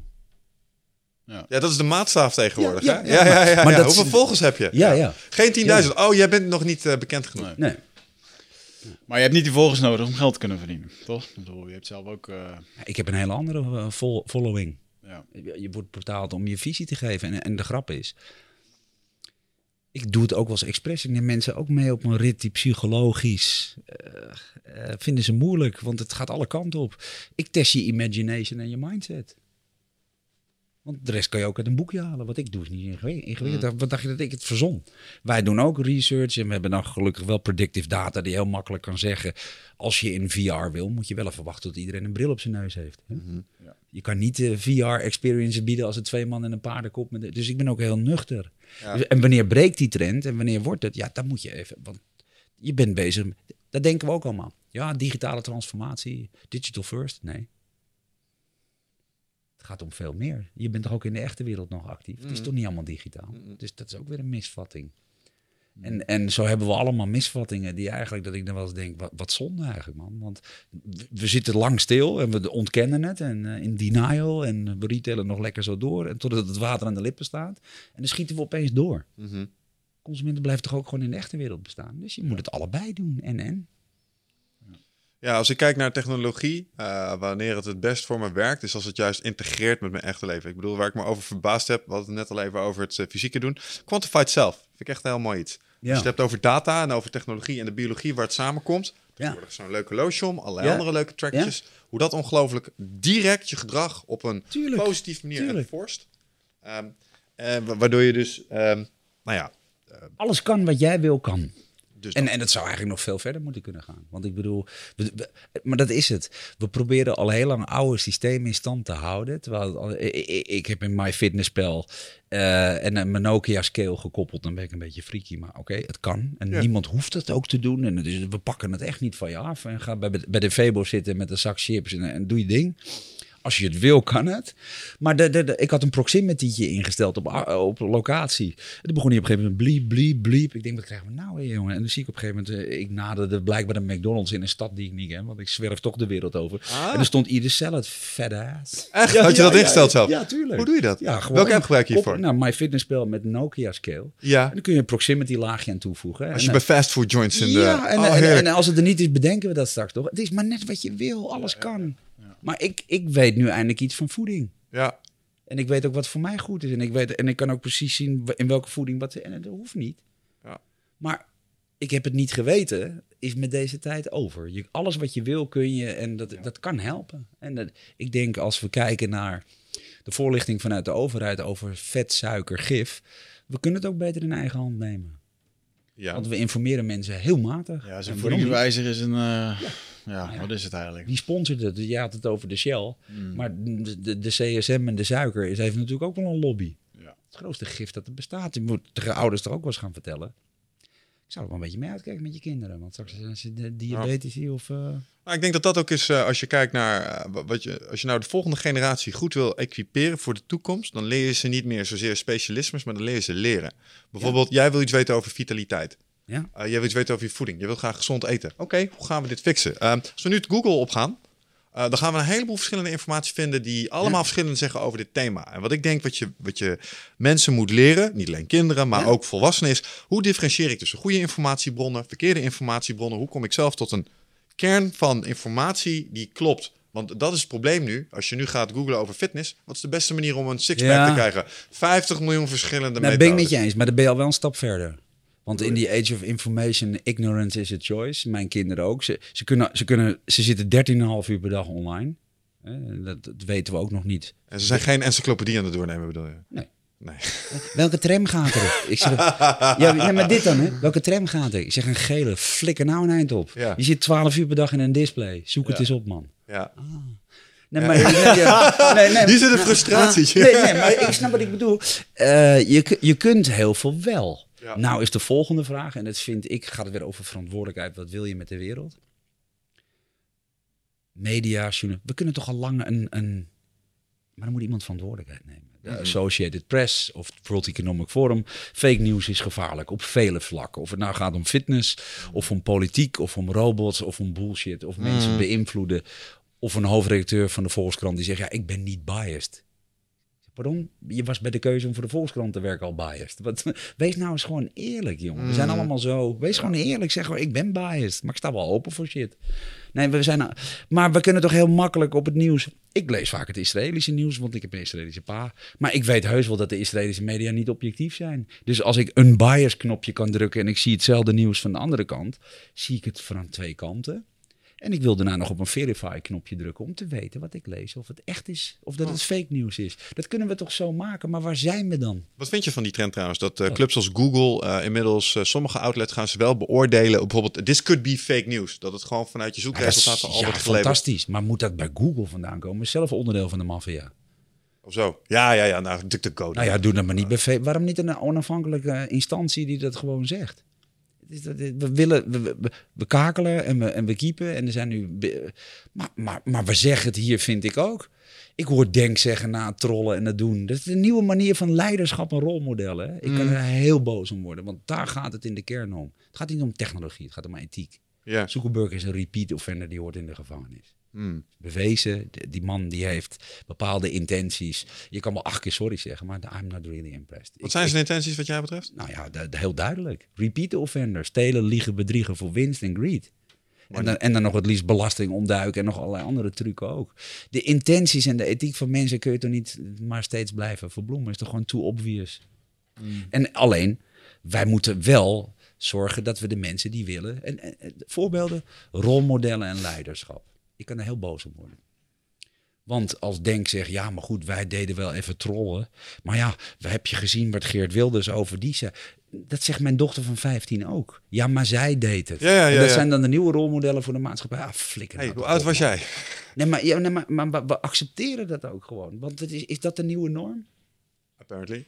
Nou ja, het feit dat een, eh, bijvoorbeeld, we hadden het in de vorige podcast nog over dat Trump wordt, er is nog nooit een president die zo vaak op onwaarheden is betrapt. Ja. Gewoon echt feitelijke onjuistheden. Ja. Niemand doet er iets aan. En nobody seems to care. Dus blijkbaar is het de nieuwe norm. Nou, ik zo. zal je nog wat zeggen. Ik, ik heb geageerd over het feit, want ik vind het belangrijk, redactie en media, dat Olse Gulse, een beetje de soort Nederlandse girlboss, en dat was Sofia Amoruso van het boek Girlboss. Dat was ook een, een, een, een fake news en, en een hype. En die kreeg een Netflix-show. En totdat de media en de redactie is gingen doorvragen en onderzoeken, bleek het gebakken lucht en leugens te zijn. Hmm. Ben niet boos op ons, hè. Ik ben boos op de redactie van RTL dat je je huiswerk niet doet. Want, en dat snappen mensen vaak niet, die zeggen, ja, waarom moet je zo doen? Dan zal ik dat proberen één keer goed uit te leggen. Als dat het nieuwe rolmodel is voor jonge ondernemers en vrouwen, lieg maar, bedrieg maar, steel maar, zetten we nog een generatie op, het, op een zijspoor. Hit, hit it, hit and run, opportunistisch, lieg maar een beetje. Dat is een redactie die iemand, van, nou, om het vegenlijf te redden, die, omdat iemand wat volgers heeft. Want dan moeten de influencers op televisie, als kijkt er niemand meer. Ik word dan boos. En dan boek je me maar nooit meer. I don't give a flying fuck. Wat doe jij met je, niet op ons, hè? op de redactie die zijn huiswerk niet wenst te doen. Je kan niet liegen, bedriegen, fake likes kopen en, en jokken. Dat is not done. En dan moet je iemand zeker niet een platform geven om andere jonge ondernemers en vrouwen te gaan beïnvloeden. Ik vind dat heel slecht en dat zeg ik dan tegen zo'n redactie. Ik vind dit vanuit je media en je, je sociaal-maatschappelijke verantwoordelijkheid verwerpelijk. Ja, maar je vindt het vanuit het ondernemersperspectief, fake it till you make it. Ik heb net nog, eh, me- we hebben net gesproken met, eh, wat was het? Yves, Yves. Eh, en die vertelde dat hij in het begin, toen hij, voordat hij zijn mediagroep had, had hij, noemde hij het wel mediagroep. En dan werd er gebeld door de NOS. En dan nam zijn vrouw op en die deed dan alsof ze de receptioniste was. Ja, oké. En die verbond het dan door. Ja. En dan, dan had je de meneer Ja. aan het, en dan, dan fakte hij dat hij een kantoorruimte Ja. had. Fake it till you make it. Nou, ik, kijk, nee, nee, ik kijk naar intenties en ethiek. Je mag, je mag een klein beetje best wel. Maar als je het doet voor winst, liegen, bedriegen. Of je bent een Mark Zuckerberg met grote schaal en grote impact.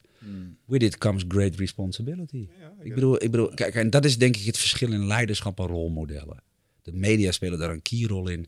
Ik kwam door Ruud Gullit op Mandela, hoe mooi die man was. En dat die man 28 jaar had vastgezeten, selfless leadership. Ging niet om winst en likes, hè. Malala zet een hele beweging in en, en die zal haar leven geven voor haar cause.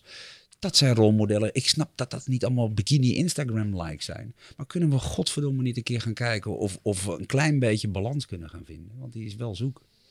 Ja, ik, ik denk dat het ook... Ja, Als je gelooft in rolmodellen en als we er allemaal niet meer in geloven, nou, dan kunnen we gewoon... eh, Ik denk dat mensen een tekort hebben aan rolmodellen. Dat is vaak een van de dingen als we het hebben over zelfbeeld. Ja. Geven workshops of trainingen. Dan is, joh, hoe kijk je naar jezelf? En dan schrijf dat eens op. Vaak weten ze dat dan niet. Ja, ik weet eigenlijk niet wat ik wil. Nou, kijk dan eens naar iemand anders die het wel heeft gedaan. En eh, wat vind je dan interessant van hem? Ja. Dat betekent, betekent niet dat je naar iemand moet kijken alsof die eh, God is of wel. Maar iedereen heeft goede. eh, neem dan in ieder geval de goede eigenschappen die je Ja. graag zou willen overnemen. Ja, toch als ik daar wat langer over nadenk, ben ik aan de ene kant al wel weer hoopvoller. Want als je bijvoorbeeld kijkt naar, als je het hebt over rolmodellen en iemand die daar heel uitgebreid over spreekt en je, en je aan een hoger norm houdt. Is bijvoorbeeld een Jordan Peterson. Ik weet niet of je die kent, Ja, dat een beetje de internetpapa, zeg maar. ja, ja. Eh, en, en wat, je, wat je merkt is dat er een behoefte is aan mensen die een bepaalde leeftijd, bijvoorbeeld zo begin 20 zo, als je net een beetje die fase uitkomt, wat je van, holy fuck, weet je wel, de- de- ik moet iets gaan doen, want dit werkt ook niet. Ik zie dat ik in een bepaalde cultuur Ja. zit. Dit is een, en een van de dingen die eh, Jordan Peterson ook zegt is, lijn jezelf uit met hogere doelen en emuleer mensen, rolmodellen, Ja. die Ja. zeg maar heldhaftig zijn. Want, want de held, zeg maar, de standaard held, die heeft bepaalde eigenschappen. En die moet jij als mens ook gewoon proberen te emuleren. Dus tegelijkertijd zie je ook wel een soort, als mensen maar iets ouder worden en ze komen een beetje in die leeftijd dat ze zichzelf willen gaan laten gelden, echt. Zo van, ik moet iets met mijn leven, zo Ja, ja. begin student. Dan gaan ze wel op zoek naar die kennis. Dus ik denk niet dat mensen helemaal de waarde van de rolmodel kwijt zijn. Ik denk van wel. Op grote schaal. En waarom? Omdat de media een belangrijke rol spelen in wat jij en ik morgen consumeren. En de media die, die hebben op dit moment zo ontstaan ze onder water en onder druk. Dat die voor hele grote groepen bepalen wie, wie daar rolmodellen worden. Want die zetten ze voor de camera of op andere dingen. Ja, maar in Dus- hoeverre, hoeverre is het ook niet wel een klein beetje... Bijvoorbeeld een Jordan Peterson, voorbeeld, is behoorlijk populair geworden. Heeft heel veel... Ja. eh, je ziet hem niet op tv. Nee. Eh, YouTube is het ook niet altijd met hem eens. Maar toch Nee. vinden mensen hem. Dus, nou, gelukkig, dat is er één. Ja. Maar Ja, en ik denk dat een hele hoop mensen Jordan Peterson ook echt niet kennen. kennen, nee. Omdat die gewoon in een fucking trailer in de woestijn in Amerika zitten met een hand in een broek. En die zit gewoon te kijken met een rode pet op. eh ja, we Die rode pet no, is ook no, echt no Mexicans, no. Mexicans, man. They're taking our jobs. Maar Malala kennen we wel een beetje. En, en, en ik snap ook wel dat we niet alleen maar documentaires hoeven maken over alles. Mhm. Maar het gaat uiteindelijk heel simpel. Mijn, ik ben opgevoed door mijn grootouders. Die leerden me één ding. Ik was een vervelend kutkind. Dat ben ik nog. Maar nee, daar ben ik gebleven. Wil ik ook graag. Nieuwsgierigheid moet je niet kwijtraken. Enfant terrible. Ja. En ik hing altijd een beetje om een kastje. Dan was ik een jaar of zes, zeven. En toen zeiden ze, weg bij dat kastje nou. En dan dacht ik, oh, dat is dus spannend. Dus ik bleef bij dat kastje. Want ja, dan moet je natuurlijk niet... Nou, kort- eh, heel kort en belangrijk. Daar zaten krantjes in. Dat was blijkbaar het parool. Want ik bleef toch doorzeuren. Ik wilde het weten. Ik was gewoon nieuwsgierig. Begrijp je nog niet? Nou, dat ging ze toch uitleggen. Dat was het parool. Weet je, wat is het? Lijkt een krant. Dat is een krant. Goed. Ik zeg, hé, dat is 1942. Ja. Dat brachten wij rond in de Tweede Wereldoorlog in Amsterdam. En ik zeg, waarom dan? Nou, dat hadden de Duitsers verboden. En nou, ik zeg, oh, dat heb ik wel gehoord, Tweede Wereldoorlog. Want je hebt natuurlijk wel wat gehoord. Lang verhaal kort. Dit soort mensen zijn mijn rolmodellen geweest. Die mensen hebben met gevaar voor eigen risico eh, in het verzet gezeten, krantjes rondgebracht. Als je gepakt werd, werd je ge- eh, te- neergeschoten. Geaccepteerd, ja, ja. Meteen. Met gevaar voor eigen leven te doen voor... Mensen zeggen wel eens, ja, maar wat jij doet is wel risky. Of de, nee, nee ik, ben nog niet, ik ben nog niet een schim van mijn grootouders. Ja. Want, want de voorvechtersrol die ik spreek en tegen heilige huisjes trap. Daar word ik, ja, oké, ik ben twee keer gearresteerd in het buitenland. Omdat ik iets zei over vrijheid van meningsuitingen. Maar daar ben ik me kapot geschrokken. Maar de, mijn cause is er nog steeds. Ik, ik moet wel, man. Stel je nou voor dat die mensen die gaven hun leven voor gerechtigheid en voor Ja, zuiverheid. ja, ja, oh, en, en dan zit ik een beetje met mijn likes en met dingen. Nou, ik, ik vind dat is denk ik heel belangrijk. En, en ik vind dat we dat veel te weinig belichten. Ja. Wat doe je? Ik zie ook mensen, maar het gaat ook om commercie en andere bullshit. Ik vind het fantastisch dat Little Kleine met 500 briefjes op zijn dingen staat. En nou, echte gangsterrapper. Morgen huilt hij om zijn moeder, maar oké. Maar je bent gangsterrapper en je moet dan even laten zien dat je geld hebt. Heb je een paar Stacks. ja, je hebt een paar 500'tjes bij je, transparant, dat was je cool. Ik denk wel eens bij mezelf, ik zou ook wel eens vragen, geef je ook wat aan Afrika? Want het, het leuk als je zeven Rolex hebt, maar is het misschien ook prettig dat er een... Er zijn ook mensen die doodgaan van de honger. Of is dat even niet... On... We kunnen daar best wel wat aan doen, hè? Ik zag gisteren nog een item. ik zag gisteren nog een item over eh, vluchtelingenkamp. Ergens in eh Sudan, volgens mij. Dat twee keer zo groot is als Parijs. Wat? Ja. Een vluchtelingenkamp. Ja, ja. Het grootste vluchtelingenkamp van de wereld. Ja. Twee keer zo groot als Parijs. Ja. Terik man, als ik naar Parijs een weekend ga, dan krijg ik pijn aan mijn poten omdat ik eh, te veel aan het lopen ben. Ja. En dan heb ik nog niet anders gezien. Nou ja, over Parijs gesproken. De Notre Dame haalt eh en passant. Hadden ze beter kunnen doen voor de verbouwing. Ja. Toen was er geen geld. Ja, ja nee, maar ze hadden even de, de geld nodig toen voor de verbouwing. Was voor de brand. Hè? Vijf- 500 miljoen al opgehaald al in korte tijd. Hè? Op het moment dat we hier nu zitten. Dat, ik snap het. Het is mooi. Het is ook nostalgie. Het is goed. Maar je denkt er ook wel eens bij jezelf. Er gaan ook een miljard mensen dood van de honger. Ja. En het Vaticaan heeft eh, 30 biljoen op zijn, eh, op zijn konto staan. Snap je? Deze centjes hadden we ook kunnen uitgeven aan dat probleem tackelen Ook wellicht. een eh, regenwoud waar niemand zich druk over maakt. Dan, We eh, kunnen ja, het ook allebei doen misschien. Maar het gaat er meer om wat wil je teruggeven. En ik denk Ja. dat dat ook belangrijk En ik snap dat het ook met leeftijd te maken. heeft. Want ik was op mijn dertigste ook bezig met... ik moet carrière maken, want ik ben een misfit. En dan denk je dat succes dat is. En dat groeit en dat ontwikkelt vaak ook in je levenspatroon. Wil je iets terug doen, iets teruggeven? Waartoe ben je op aarde? En wie kijk je straks in de ogen voor de poort? Of, of in de spiegel? Of, Ja. Dat komt ook pas als je wat ouder bent. Dat is, eh, Maar die verantwoordelijkheid vind ik dan bij politici van mijn leeftijd. Die zeggen, ja, maar goed, dat even met die trollen en een beetje dit. hij doet toch ook dat? Nou, echt waar. dat, dat is wel echt heel erg Ja. hoor. En dat we dat ook verder dan niet... Maar dat is wel mooi Nou ja, wat, wat Jan Terlouw zei. Hè? Ja. Daar hadden we het straks over. Ik bedoel, eh, eh, ja, echt een bijzondere man. En die zei ook gewoon, het volk doet wel gewoon de leid- de, degene na die de leiding heeft. En als de leiding aan het liegen en bedriegen is, gaat het volk het ook doen. dat Dat is- is- maar dat is leadership. En ik denk, dat, en dat is het allerbelangrijkste denk ik. En daar maak ik me heel erg zorgen om. Want dan kom je in de pool die jij zegt. Er is een onderzoek geweest, Edelman Trust Barometer. 2018 was in de afgelopen tig jaar, decennia, het jaar waarin de mensen media, politiek, eh, leiderschap, etc. merken, niet meer geloven. Het vertrouwen is nog nooit zo laag door dit soort dingen. Als het vertrouwen weg is, En mensen gaan, gaan het gebruiken om zichzelf te rechtvaardigen. Eh, Een vis stinkt bij de kop. Dus als het leiderschap iets laat zien. Zelfs in een bedrijf, voorbeeld dat we hier ook wel eens aan gehad. Als in een bedrijf een directeur structureel te laat komt bij een overleg. En je, en je komt daar, zeg maar. Dan weet je, alle medewerkers Ja. die komen ook allemaal vijf, tien minuutjes te laat binnen. Lead by Want dat, example, maar dat is hoe het werkt. ja, Maar wat vind je dat we daar aan moeten doen dan? Want, want we kunnen daar toch heel makkelijk wat aan doen. Nou, ik denk ook dat een eh, Donald Trump het resultaat is van, het, eh, eh, van de vorige leiders die gefaald hebben. Men wil gewoon verandering. Ehm, Maar tone of voice, de, de discussie die ik af en toe in de Nederlandse politiek zie, ik denk maar één ding. Het gaat om zieltjes en om stemmen, maar we, maar we vertieven wel zo'n beetje alles wat er in deze maatschappij is door de manier waarop. Moet je dan echt om zieltjes te winnen, liegen, bedriegen en allerlei nare dingen doen? Is dat de nieuwe tone of voice? Ik denk dat, eh, dat, dat de oplossing ligt in eh, wat, je er, eh, wat je er straks eigenlijk al zei. Terug naar het long format. Want het is nu één grote samenraapsel van one-liners en soundbites. En je wil even scoren op dat moment. Het is allemaal korte termijn. En waar je echt terug naar moet is de inhoud. Dus Nou ja, intentie denk ik. Ik, ik. denk dat intentie belangrijk is. En als mensen tegen mij zeggen, denk je niet dat Zuckerberg... Nee, zeg ik, nou hou maar op bij mij. Want als je acht keer laat zien dat je, dat je, dat je liegt, bedriegt... er niet op terugkomt, steelt en, en, en dat doet voor winst... dan is met jouw intentie iets mis. Punt. je template, ja. Alleen jouw self-regulation is er, dus we kunnen er niks mee doen verder. Het ging in de kern om, want daar is het ooit om begonnen. Heb je ook nooit met een journalist over gehoord. Want de media hebben een hele andere rol. Hè? Als je Facebook ten val brengt of de beurskoers laat halveren, krijg je weer wat van je advertentiecentjes terug. Zo werkt het, hè? Nee, ja, nee, maar is het, ben ik gek of is dit gewoon... op Het is heel moeilijk om in dit soort gesprekken niet eh, ook stiekem een beetje cynisch en bitter te worden. Als Nee, je nee, het zo nee, nee, maar dat, dat- daar ligt de kern tot, tot de oplossing. Mhm. Het is ook heel, heel makkelijk om dat op te lossen, maar je moet man en paard durven benoemen. Dus als, als de media daar hadden ook kunnen zeggen, meneer Zuckerberg, samen met Cambridge Analytica hebben we op de Channel 4 News video gehoord. U heeft uh, politieke data, voorkeuren van mensen gelekt in 20 dictatoriale landen. U heeft misschien wel bloed in uw handen. We gaan ook eens verder kijken wat er nog mee. Want in dat soort landen, als jouw politieke voorkeur op straat komen Ja, ja. te liggen, Ja. komen ze langs met een busje. En, uh, Einde oefening, ja zeker. Ah, maar misschien als trendwatcher kun je er ook wel bij helpen. Want nou ehm, ja, dat is wat ik doe, denk ik. Ja, maar we- kunnen we dat ook niet doen door terug te kijken? Want we hebben misschien niet wel letterlijk voor situaties als deze gestaan. Maar in het verleden hebben we natuurlijk ook wel de nodige situaties doorgemaakt. Zijn er niet situaties geweest, bijvoorbeeld de eerste industriële revolutie, waarbij dingen zijn gebeurd en waar we bepaalde dingen hebben gedaan die het probleem verbeterd hebben? Ja. En wat waren die dingen dan? Nou ja, maar, maar dat, dat is wat ik doe. Kijk, eh, als je een theorie ontwikkelt van een vierde industriële revolutie. En je legt uit en je kijkt ook terug. geen garantie voor de toekomst. Maar we hadden 1, 2 en 3. Die revolutie. Ook even benoemen welke dat zijn. Anders denken mensen, waar komt die derde dan van? Wat is? En dan zeggen ze, ja, maar het is eigenlijk, dus, eigenlijk is het de derde. Ik zeg, nou oké, maak jij het de derde? Daar ging het even niet om. Oh goed, lekker belangrijk weer. Ja.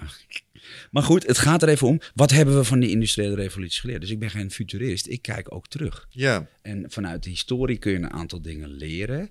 En dat kun je extrapoleren. En zo kun je tot een toekomstmodel ook komen. En we hebben een aantal dingen gezien. Nou, dat wordt heel simpel. Paard en wagen. Vieze auto. Elektrische auto. Elektrische zelfrijdende auto. Heel ingewikkeld is het niet hoor. Nee. Nou, maar... Ja, dan gaan emoties en andere dingen spreken. Maar dat die curve er is... Ik zeg, nou dan ga jij weer in paard en wagen zitten. Ook goed. Dat hoeft niet. Maar het is een evolutie die nu opeens heel snel gaat. Ja. Wetgeving zal dan bepalen of het self-driving wordt of niet. Wetgeving heeft al bepaald dat vieze auto's niet meer verkocht mogen worden straks. Ze zijn niet morgen van de weg af, want die rijden nog een tijdje door. Maar, maar dat is dus met name. En wetgeving kan heel veel versnellen. Daarom is het zo belangrijk dat er goede politieke mensen zitten. Dus het verhaal wat wij nu net heel triest maken, het, het maakt het heel helder. En geeft ook sense of urgency om te bewegen. Oh, in de zin van, want eh, we weten in ieder geval dat dit de oplossing niet is. Dus zoals het nu gebeurt. Dus als je er echt iets in wil, dan ga je het tegenovergestelde doen. Ga je goed leiderschap tonen. Ga je zorgen dat die wet en regelgeving niet, eh, zeg maar, niet ontwikkeling voor de voeten loopt. Dan ga je Nee, maar die gaat juist helpen. Ja. En groene, slimme steden wordt niemand slechter van. En dan, dan, dan vooral groene en C, eh, circulair of CO2 positief. Mhm. En ik maak soms documentaires, dat kost me heel veel geld. Ik denk nooit dat ik een Sundance ga winnen. En dan zeggen mensen, waarom doe je dat? Ik ben heel erg geïnspireerd geraakt door bijvoorbeeld de oudste industrie op de aarde, landbouw. Die kunnen echt heel veel. Het boertje kwam van zijn trekker en die vliegt nu met de robot bij je de lucht ja, ja. En als je dat soort voorbeelden neemt, en dat is de oudste industrie op de planeet. Als die kunnen innoveren, eh, schone groene lucht, want landbouw is, is moeilijk. En we moeten straks 10 miljard mensen voeden. En als we met koeien doorgaan, dat heeft 100 keer meer land nodig. Is niet alleen de CO2-uitstoot. En die industrie is zichzelf aan het innoveren en veranderen. Die willen graag, eh, dat, die zitten dicht bij biologie en de natuur. Dus dat is precies wat je zegt.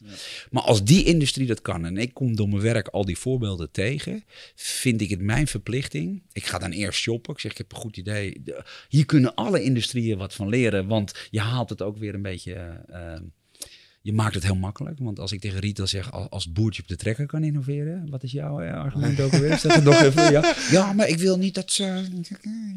Nee, maar dat, dat. En daar kan je mensen mee inspireren. En dan kun je een beetje Walt Disney van innovatie worden. Je kan mensen ook prikkelen. Dus ik moet die documentaire maken. Nou, die, die financiert niemand. Want ik kijk eh, de, de drie wereldleiders en eh, 10.000 eh, ondernemers na. Dat is voor mij genoeg. Flikker op met je likes. Want het is Domino D-Day. En als wij andere mensen kunnen inspireren, ja, dat kost me 50, 100.000 euro. En, en krijg je kijkcijfers? Nee. En mensen zullen ook wel zeggen, wat weinig views. Ja. Zou je dat wel doen? Flikker toch op, man. Als we dit kunnen doen en steeds weer die voorbeelden naar voren kunnen halen, kunnen de mensen die het willen, kunnen erbij. Ja. En die kunnen dan zeggen, is niet helemaal waar. Want als het boertje op zijn trekker zo geavanceerd kan zijn, dan kan jij het ook. En het is narrowcasting misschien. Hè? Het maakt niet uit of het er geen miljoen mensen heeft bereikt. Als in, binnen die 10.000 een paar zaten die op een positie zaten die nu besmet zijn met je gedachtegoed, dan zijn we er. tien wereldleiders of tien mensen van grote bedrijven, tien keer bij Shell, die zegt, zit eigenlijk, we gaan het doen, is een hele grote impact. Hè? Ja. Ja. Dat is een hele ja, grote impact. ja, precies. En ik vind dat, dat, dat, ja, ik moet ook wel zeggen, ik ben er niet zo goed in. En dan moet je een documentaire maken en dan maak ik nog veel fouten. En dat kost altijd meer dan dat ik dacht. En uiteindelijk, ja, nee, ja, maar goed, dan hadden we het straks ook over geld verdienen of niet. Nee, het kost heel veel geld. Maar dat is wel schaalbaar. En eh, Shaki in zijn vliegtuig, ik kan niet alle podia van de wereld bedienen. Dus als ik mijn boodschap wil schalen, ik ben bijna Ja. 50, moet ik ook een beetje tempo maken. En eh, nou ja, wie weet, we winnen we ook een, eh, een award ooit. eh, De, de, de, de, mooi zijn, de ja. Boer zoekt vrouw award. nee, maar snap je wat ik bedoel? Ah. Ik zie die voorbeelden. Het is mijn werk en ik vind dat inspirationele voorbeelden waarmee je mensen... Je, je triggert ook zo'n CEO, want die zegt op een gegeven moment ook... Ja, Aan de andere kant, als die landbouwindustrie het kan, de houtindustrie bouwen, dan kunnen wij toch Ja. Laten we nou toch maar een beetje gaan. Nou, en, en zo komen we best wel. Ik zou, ik zou de mensen die het nu, eh, als ik kijk naar mijn eigen beweegredenen en zo, ik denk dat je beste knop is om op te drukken, is, is de legacy knop ook. Ja. Voor die mensen. Ja. Ja. Zo van, jij wil toch degene zijn die, die, de, die de verandering ten goede heeft ingezet. Ja. Jij wil toch die impact maken. Er zijn een paar pivotal moments geweest in de geschiedenis van de mensheid. Ja. Wees er een onderdeel van. Nou, vind ik een hele mooie. Maar ik druk ook graag nog op de andere knop. Dat die, want, want ik hou van tempo. Want we hebben haast. Ja, ja. En ik ben ongeduldig. Maar dat had je al door. denk ik. Ja, nee, nee. Je krijgt het gevoel van urgentie hier. Ja. Nee, maar als die CEO denkt, ik moet straks ook nog het persbericht geven. Ik doe het niet vanuit mijn hart, maar laten we toch maar gaan innoveren. Blijven er ook nog een hoop grote bedrijven die wel die transitie gaan maken. En dat is voor de economie en voor iedereen goed. Dus dat is een win-win. Mm. Want sommigen die hebben die inspirationele gedachten voor de toekomst en legacy helemaal niet. Maar die moet ik ook omduwen. ja, dan kun je beter met iets meer, meer mensen. Ja, ja, ja. ja, ja, Aardse. Eh, ja. Nou ja, en eh, zo'n man zegt ook, oké. En dan, nou, misschien een standbeeld of zo. straks. Ja. Ah, niet onaardig. Zou je een standbeeld willen? Tuurlijk. Tuurlijk.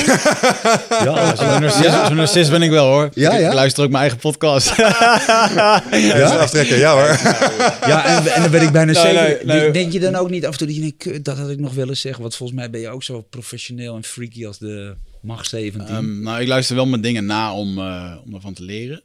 En zou ik mijn eigen standbeeld willen? Nee. Ik vind standbeelden niet zo eh, boeiend. Ehm, ik ben meer van de oude samurai zwaarden en zo die ik dan wil hebben. Dat, Ja? vind, ik cool, dat vind ik coole shit, weet je wel. Waarom? Waarom? Omdat dat iets heel nostalgisch Er is. zit een verhaal achter. Ja, joh, als, je mij, als ik naar, weet je, naar zo'n Indianenstam ga, dan zit een verhaal achter zijn tooi of een van de bordje wat ik van een Indiaan krijg. Of dan, ja, dat vind ik, eh, dan heeft het voor mij waarde. Ik heb thuis een tooi, die heb ik gekregen na zes weken in de jungle in een hutje zitten. Als beloning. En eh, dat is echt mijn, dat is mijn meest heilige eh, object. Maar het is toch fantastisch Ja. dat je dus... Maar dat zegt dus eigenlijk nog iets. Dat, dat de power of storytelling is, Mm. is fenomenaal groot. Ja. Want hier zit een verhaal achter. En daardoor zeg je, nou, als het metooie is, niet. De rest mag je meenemen. Maar, Ja. maar dus de power of storytelling is, is denk ik ook een enorm krachtig iets voor. Verandering of leiderschap. of Ja, joh, vandaar de, de hele Star Trek-utopie, zeg maar. Ja. Als we nou iedereen terug aan boord van, dat, van die story narrative konden Ja, jij bent, het- jij bent fan, hè? Nou ja, niet in de laatste plaats, omdat ze wat, wat, ze, wat ze doen is alle menselijke onhebbelijkheden, zeg maar. En de schaarste die we hebben, eh, dat nivelleren ze met, economie, eh, met zeg maar, technologie. En daardoor is er welvaart voor iedereen. Eh, even los van het feit of ze naar de sterren gaan en dat soort dingen. Maar het, het, het schetst een toekomst waarbij de mensheid de transitie vanuit egoïsme naar Ja. zeg maar, welvaart voor iedereen heeft weten Is het een soort altruïsme of net niet? Gewoon een gezonde manier van... Ook wel Ja, altruïstisch. ja. Als, als je kijkt, eh, het is nobel gedrag. Ja, ja, mooi. En dan denk ik van, ah, dat is iets om te ambiëren, zeg maar. En, en als je in, in dat verhaal zit, en, en zij schetsen ook dat de mensheid er nog niet helemaal eh, was Nee. in eerste instantie, met dat het even moeite heeft gekost. Ja, dat is een kik verhaal. Maar vind ik prachtig. Want de grap is uiteindelijk, als je heel simpel in het universum gelooft of in karma of wie goed doet, wie goed ontmoet. Dan denk ik dat we, dat we, we hebben nu meer dan ooit van tevoren alle middelen, macht, technologie in Mm. handen om er iets goeds mee te doen. En, en ik denk ook echt dat, eh, ja, jij noemt het dan eh, in een vorm van een film. Ik heb toevallig de luxe dat ik af en toe all the way out kan. Dan hoef je niet zo gek te doen in je, in je zakelijke leven. Maar ik mag af en toe meeschrijven voor denktanks van Hollywood films. En weet je wat me daarin is opgevallen? Hm? Schaam me kapot om het te zeggen, maar ik ga het toch zeggen. Nee, nee, dat, dat ik weet, en het, het, het, het is dan nu de primeur. Ga je dit nog uitzenden ooit? Of je- Dit komt dus nog wel een keer op het internet, ja. ja dat is wel het idee. Over, een, pa- over een paar weken komt het Ja, online. serieus? Ja, een paar weken. Oké, ja, nee, ik heb beloft is beloft. Eh, ehm, ik dacht bij die denktanks een paar keer, Minority Report, Ready Player One en nog een paar films. Dan mag je all, all the way out samen met een scientist en een futurist. Ja, ja, ja, Maar, maar dat is een fijne omgeving voor mij. Want dan zeggen ze meteen, nou, eh, Go for it. ja, als je dan niet 2100 goed kunt voorspellen, dan denken ze, nou, we nodigen volgende keer wel een ander uit. Wat ik daar heb geleerd over de gekte tussen scheidslijn fysiek net te gek. En mensen vragen het niet, die oordelen vaak. Ik zou vragen, waarom weet je dat zo zeker? Ik ben nieuwsgierig. De laatste paar voorspellingen die ik gedaan heb met een team, die ook in die film zitten. Ja. Ik zal je ding zeggen, dat iedereen denkt, die roept op het moment dat die film gewoon far out. Gaat hij dat zeggen? Hoe kan dat nou? Ze weten niet, hè? Ze kijken Ja. die film, dus ik luister alleen wat mensen zeggen. Dat is ook wel een beetje een broodje. Hè? De ontwikkelingen gaan in de praktijk sneller dan wij in die film voorspellen. Dus als wij zeggen in 2040 heb je Minority Report met facial recognition en dat Ja, en ja, dat en ja, dat. We worden ingehaald door de tijd. Science fiction wordt reality. Veel sneller dan we denken. Het is dat Ready Player One 2045 met die virtuele wereld. Mensen zeggen je bent gek. Ik laat op alle evenementen zien. Spielberg. Dat boek moest je lezen als je bij Google en Facebook wilde werken. Ready Player One, anders kwam je niet eens binnen. Mhm. Het gaat namelijk om mindset en imagination. Dat is het enige wat telt daar. Kun je de toekomst zien, inleven in de toekomst. Dat hadden we over Facebook tien jaar geleden. Dat iemand zegt, ja, er komt straks een netwerk waar 2 miljard mensen op zitten. Ja, joh, nee. en dat, nee, dat is, de, we leren het maar niet, want je gaat op de brandstapel. Daar kan ik echt, en, en weet je wat er steeds meer gebeurt? Ex Machina, andere films Ja, ook. ja, geweldig. We zitten ernaast. Het gaat sneller dan we voorspellen. We dachten allemaal 2040, 2050. Nee, 2020, 2025, nu. Ja. Dus, Ja. dus dat zegt al iets over. Ik deel dat met je, maar tegelijkertijd heb ik twee woorden die dat ook wil ontkrachten. Vliegende auto's. En Skynet. Maar wat is er met vliegende auto's dan? Omdat el- elke toekomstfilm had nu zo 20, eh, 2020, zeg maar. Er zijn films begonnen met 2015 of 2020, zeg maar, als datum. En dat was toen nog futuristisch, want dat was in Ja, 1980 oké. dat die film Ja, maakte. En toen waren de vliegende auto's. Ja, En die zijn er nog steeds niet. Die zijn er al lang. Het mag niet. Nee, dat, uh, Ja, I know, ja, ja. just kidding. Maar nee, nee, klopt. Ik Science ga wel eens, ik ga wel eens in een twee persoon Chinees. Ja, het is wel Chinese makelaar. En ik kijk wel heel goed op de batterij. En ik kan ook niet zo goed vliegen. Maar ik heb natuurlijk al een paar keer elektrische drone gevlogen. Echt waar? Ja, ja, ja. ja ik, ben, ik, heb, ik vind het heel eng. Maar, maar wel leuk. Zijn ze zo luid als ze zeggen? Nee. Oh, dat is Nee, dat vond ik heel erg. mee- Nou ja, luid. Ik zit erin, dus het is goed geïsoleerd. Aan dat de was- buitenkant hoor je het wel. Maar ik wou net zeggen, want dat was de reden wat, wat Neil deGrasse Tyson zei. Want toen ging het bij de Joe Rogan podcast op een gegeven moment ook over vliegende auto's. Maar waar zijn de vliegende auto's dan? Hij zei, ja, Ja. die hebben we, dat zijn drones. Ja, ja. Die zijn er al. Ja. Hij zegt alleen, heb jij wel eens naar een drone gestaan waar een mens mee kan worden vervoerd? Ja. Ja. Dat is een takkenherrie. Dat wil je niet, zeg maar. Nou ja. Gewoon omdat het zoveel lawaai overlast nu nog met Ja. zich meebrengt. Ja. Dat- Maar ja, eh, in, in de file staan en elke dag eh, zoveel uitstoot en, eh, en, en tien uur per week kwijt is hem ook niet hoor, Ja, hoor. denk ik. Dus... Ik, ben voor, ik ben voor flying drones, maar dan niet één waar jij zelf mag sturen waar het ding heen Nee, gaat. nee, nee, nee, maar, maar dat zou ik Dat ene-. Of je moet een buffet hebben, want die mag autorijden ook. Ja. Ehm, maar ik denk wel dat het, ja, dat gaat wel heel erg veranderen. En het wordt ook denk ik in heel veel opzichten gewoon heel praktisch. Ja, ja, zeker. Want, Nee, nee, want ja. ja. paard en wagen, nogmaals.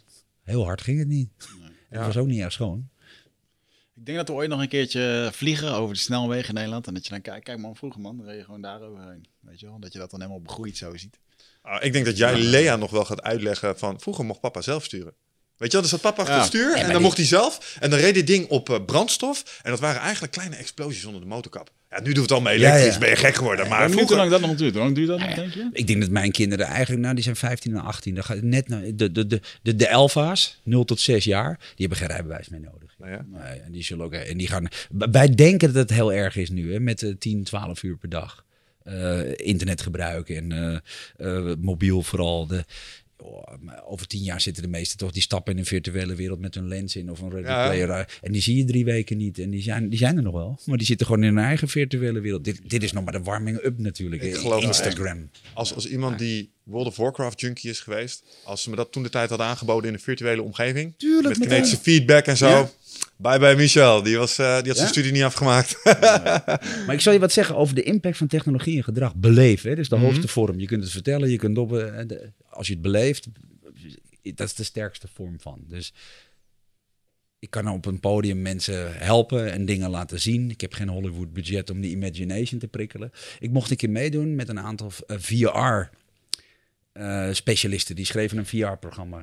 Tech to do good, social to do good. Wat wil je maken voor programma? Wij gaan het maken. In een test met dat. Ik zeg, ik wil in Italië, Spanje, nog een paar landen, want daar ging het om. Wil ik de, de, de mensen die jullie filteren uit panels en paar onderzoeken. De grootste anti, anti, anti, anti-immigranten. Dus mensen die echt sterk zeggen nee. Ja. Oké. Die wil ik hebben in een test. Dit programma.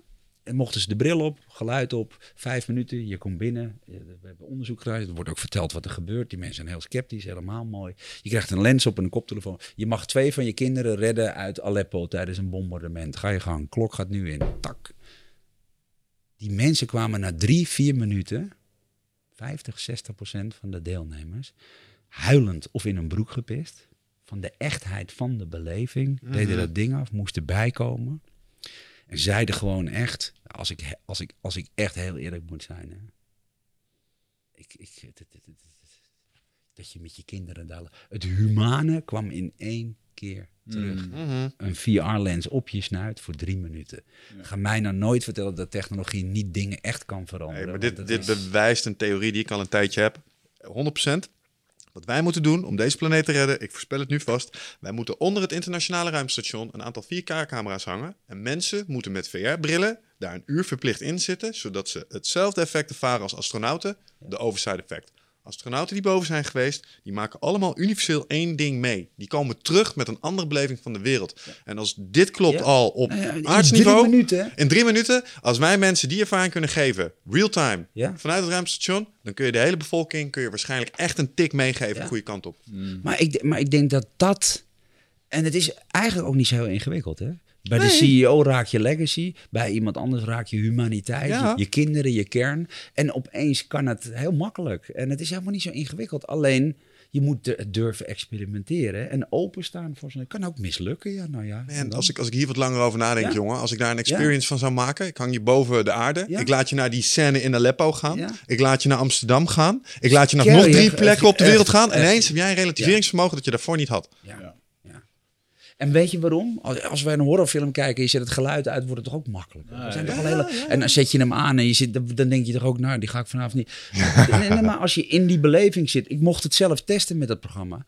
Ik heb ook kinderen. Dat inlevingsvermogen is niet zo moeilijk. En, en je hoort de bommen en de dingen. En je ziet je kind daar zwaaien op een balkon. Hè? En je ziet er... eh, De, de, nou jongen, ik, ik dacht op een gegeven moment ook bij mezelf. Ja, ik weet heus wel dat een VR-bril is. Ik ben geen debiel. Ja. Maar, maar zweet brak mij ook uit. Suspension of disbelief. Fenomenaal. Ja, hoor, in dat- één keer. Ik snap hem. Ja. Hier zit iets in. Dit is, eh, Ja, ooit krijgen we nog een keertje die film Gladiator, die is vet hè, met eh, Russell Crowe. Ooit krijg je nog een keertje dat je gewoon in het stadion kan staan, dat je kan rond kan lopen terwijl hij daar aan het vechten is. En dat je gewoon omheen kan kijken. Je moet echt even een keertje komen kijken. We hebben binnenkort wat je tegenwoordig al kan als het gaat om VR. Ik heb een HTC 5 thuis. Oh. Eh, de nieuwste games. Ja, er nerd hebben we. Fenomenaal Ja, ja, uit ja, hoor. ja, dat dat je denkt, oké, dit is wel heel Mag ik goed. daarop inhaken? Want dat vind ik nou bijzonder. Ik kom net van een congres in Venetië, daar ging het over entertainment, muziek en games. Hmm.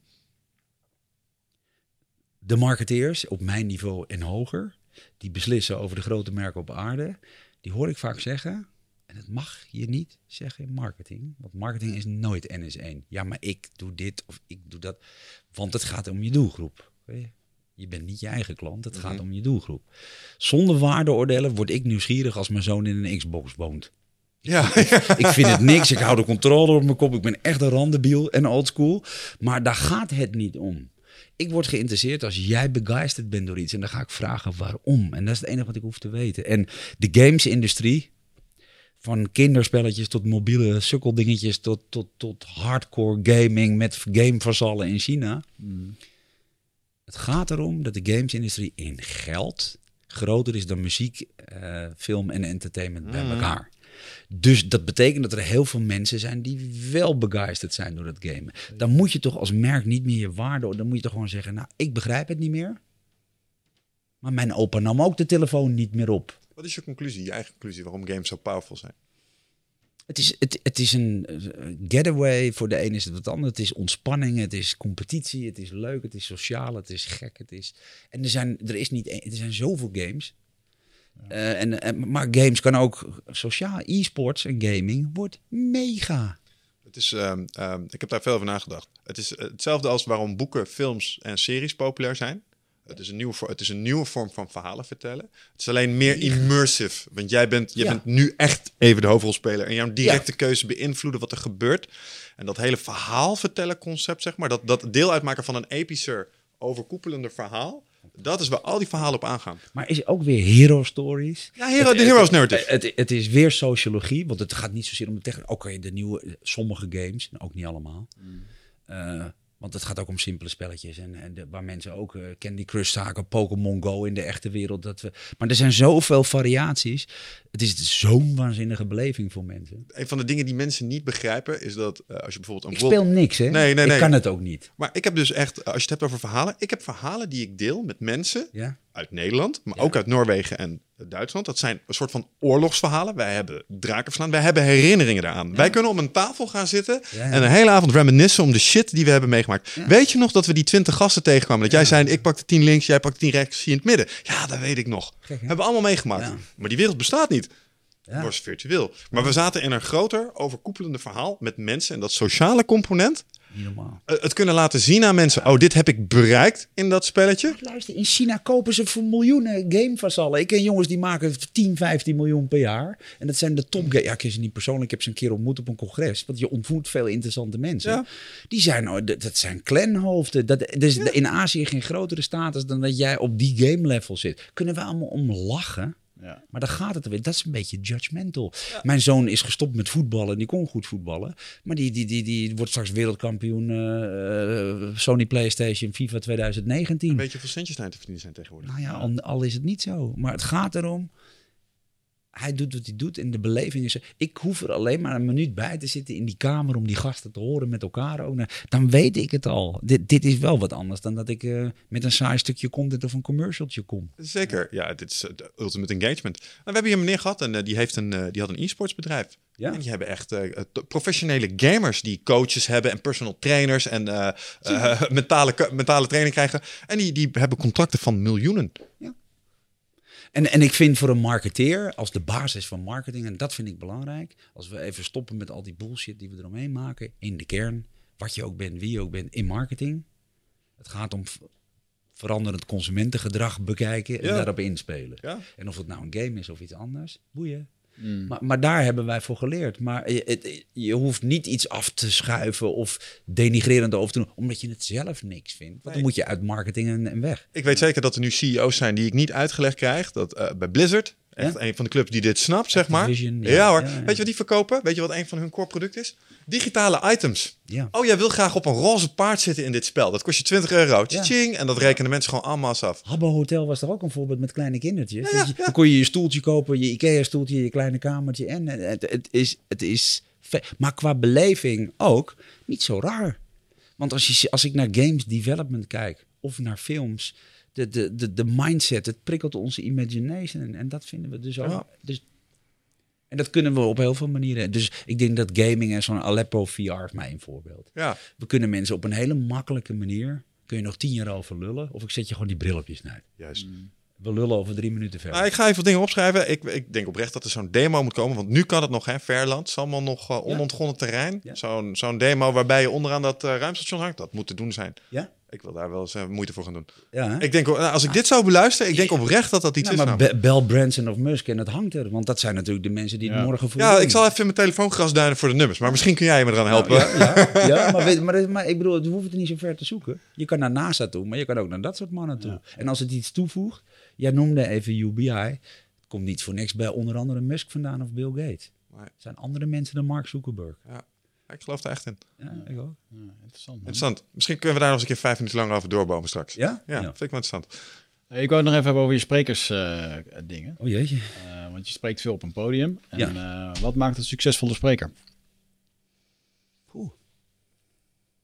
Nou, Ik zit hier trouwens gewoon voor mezelf te vragen hoor. Dus Ja, ik wou het luisteraars zullen nu wel denken, waarom vraag je dit? Ik vraag dit gewoon puur. eh, Ja. Oké. Nou, wat ik, wat ik denk dat belangrijk is, maar dat, dat nogmaals, dat wil ik ook een beetje. Dus het, ik ga je ook het antwoord geven wat eerlijk is. Ik was ook verbaasd dat jij zei, maar als je zelf in start-ups zit, een bedrijf hebt verkocht, dat zou toch echt, nou, dat, dat maakt voor de evenementplanning en de industrie niet uit. Want die, die lezen vaak je bio niet eens, of die weten het niet eens. Ik, ik wil geen boek. Want dan moet je iedere keer over dat boek lullen. Ik heb 45 verschillende talks en, en ik maak alles op maat. Ik wil er niet eh, honderd keer hetzelfde verhaal vertellen. Dus ik wil sowieso geen boek. En een boek is voor- mij prachtig als je een boek kunt schrijven. Ik lees heel veel goede boeken. Ik ben ook dankbaar dat die er zijn. Harari en Andrew Keen en allemaal dat soort mensen die de toekomst of eh, leer ik heel veel van. Maar een goede spreker is voor mij in de kern, ja, kom je weer op een sensei. Doe je walk the talk? Ben je echt of lul je maar wat voor een praatje? Want er staan veel platformsprekers. Die komen een boek of een consultancy promoten. Die zijn helemaal geen spreker. Ja. Als ik één keer in de week of één keer in de maand karaoke doe, ben ik toch geen JC of Beyoncé. Mag ik mezelf geen zanger noemen. maar zo doen we het wel. Dus ik kijk vanuit een wat andere bril. Authentiek, echt gedreven, kennis, visie. Je moet een track record hebben en, en een bepaald charisma en energie. Ik denk dat ik belangen na niet de beste spreker ben. Ik, ken, ik zie in mijn circuit honderden betere sprekers dan ik. Maar daar gaat het denk ik niet om. Het gaat er denk ik om, ben je echt, ben je authentiek? Doe je wat je doet? Eh, kunnen we op je bouwen? Of waar je morgen mee als het... eh, ik geloof dat sommige sprekers, die hebben om de drie weken een nieuw purpose. Nou, dat vind ik een beetje frappant. Dan ben je een soort blad aan de bomen met alle winden meewaait. Ja, maar, deze, ja. maar voor de like-generatie maakt het natuurlijk geen flikker uit. En ik wil in goede line-up staan. Ik ga niet in line-up staan. Nu niet, straks niet, nooit niet. Ik ben onafhankelijk. Hè? Dat, dat, dat is één woord, maar dat betekent heel veel. Dat betekent ook dat je geen praatje voor eh, commercie kunt doen. Ik ga niet in een line-up staan. Ik, werd, ik heb een bucketlist. Ik help heel veel sprekers ook achter de schermen met een marketingplan, met dat. Want voor de meeste sprekersbureaus, in Nederland of in het buitenland, binnenlopende 20%. They don't give a flying fuck hoe het met jouw carrière gaat. 20% pakken en wegwezen. Dus ze helpen je ook heel vaak niet op jouw eigen plan. Ik zeg, wat is je bucketlist? Wat wil je doen? Wil je binnenland, buitenland? Waar ben je goed in? Waar word je gelukkig van? Een spreker naar de next level helpen. Ik wil jonge talenten helpen, want ik zie professional public speaking, storytelling. Of je nou politicus bent of Willem-Alexander, of wie je ook bent, publiek figuur. Media en communicatie en de mogelijkheden om je goed uit te drukken zijn bepalend voor alles wat je doet in je leven. Dus ik zie spreken als iets heel belangrijks. Ook voor mensen die geen spreker zijn. En ik weet ook dat de helft van de wereldbevolking rode vlekken in zijn nek krijgt. En nerveus wordt en niet slaapt. Want ik moet morgen op mijn werk een PowerPoint doen. Ik zeg, oh wat kut, hoeveel mensen heb je? Ja, vier. Denk, Oh shit, dat, is, Nee, dat zijn de ergste vaak. Nee, ja. nee, maar ik, de, de- als je zwetend wakker wordt, ik weet hoe dat is. Dus, dus er zijn op heel veel niveaus, kunnen we dat naar een hoger plan tillen.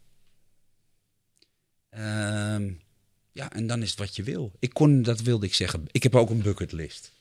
En daar word je niet altijd voor uitgenodigd. Wij gaan niet op podia staan waar walking advertorials zijn. Ik spreek veel internationale Nederlands, 10% van mijn talks. Gaat soms om veel geld. Gary Vee krijgt 250.000 dollar. Is hij daar zo goed voor? Dat weet ik niet. Zijn het prijzen van Obama? Komt het in de buurt?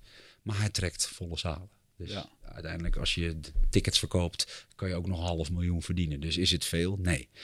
Eh, alle waarde naar zijn geld. Levert hij het op? Ja. Dus dat is het enige wat telt. En ik vind het ook veel, maar daar gaat het niet om.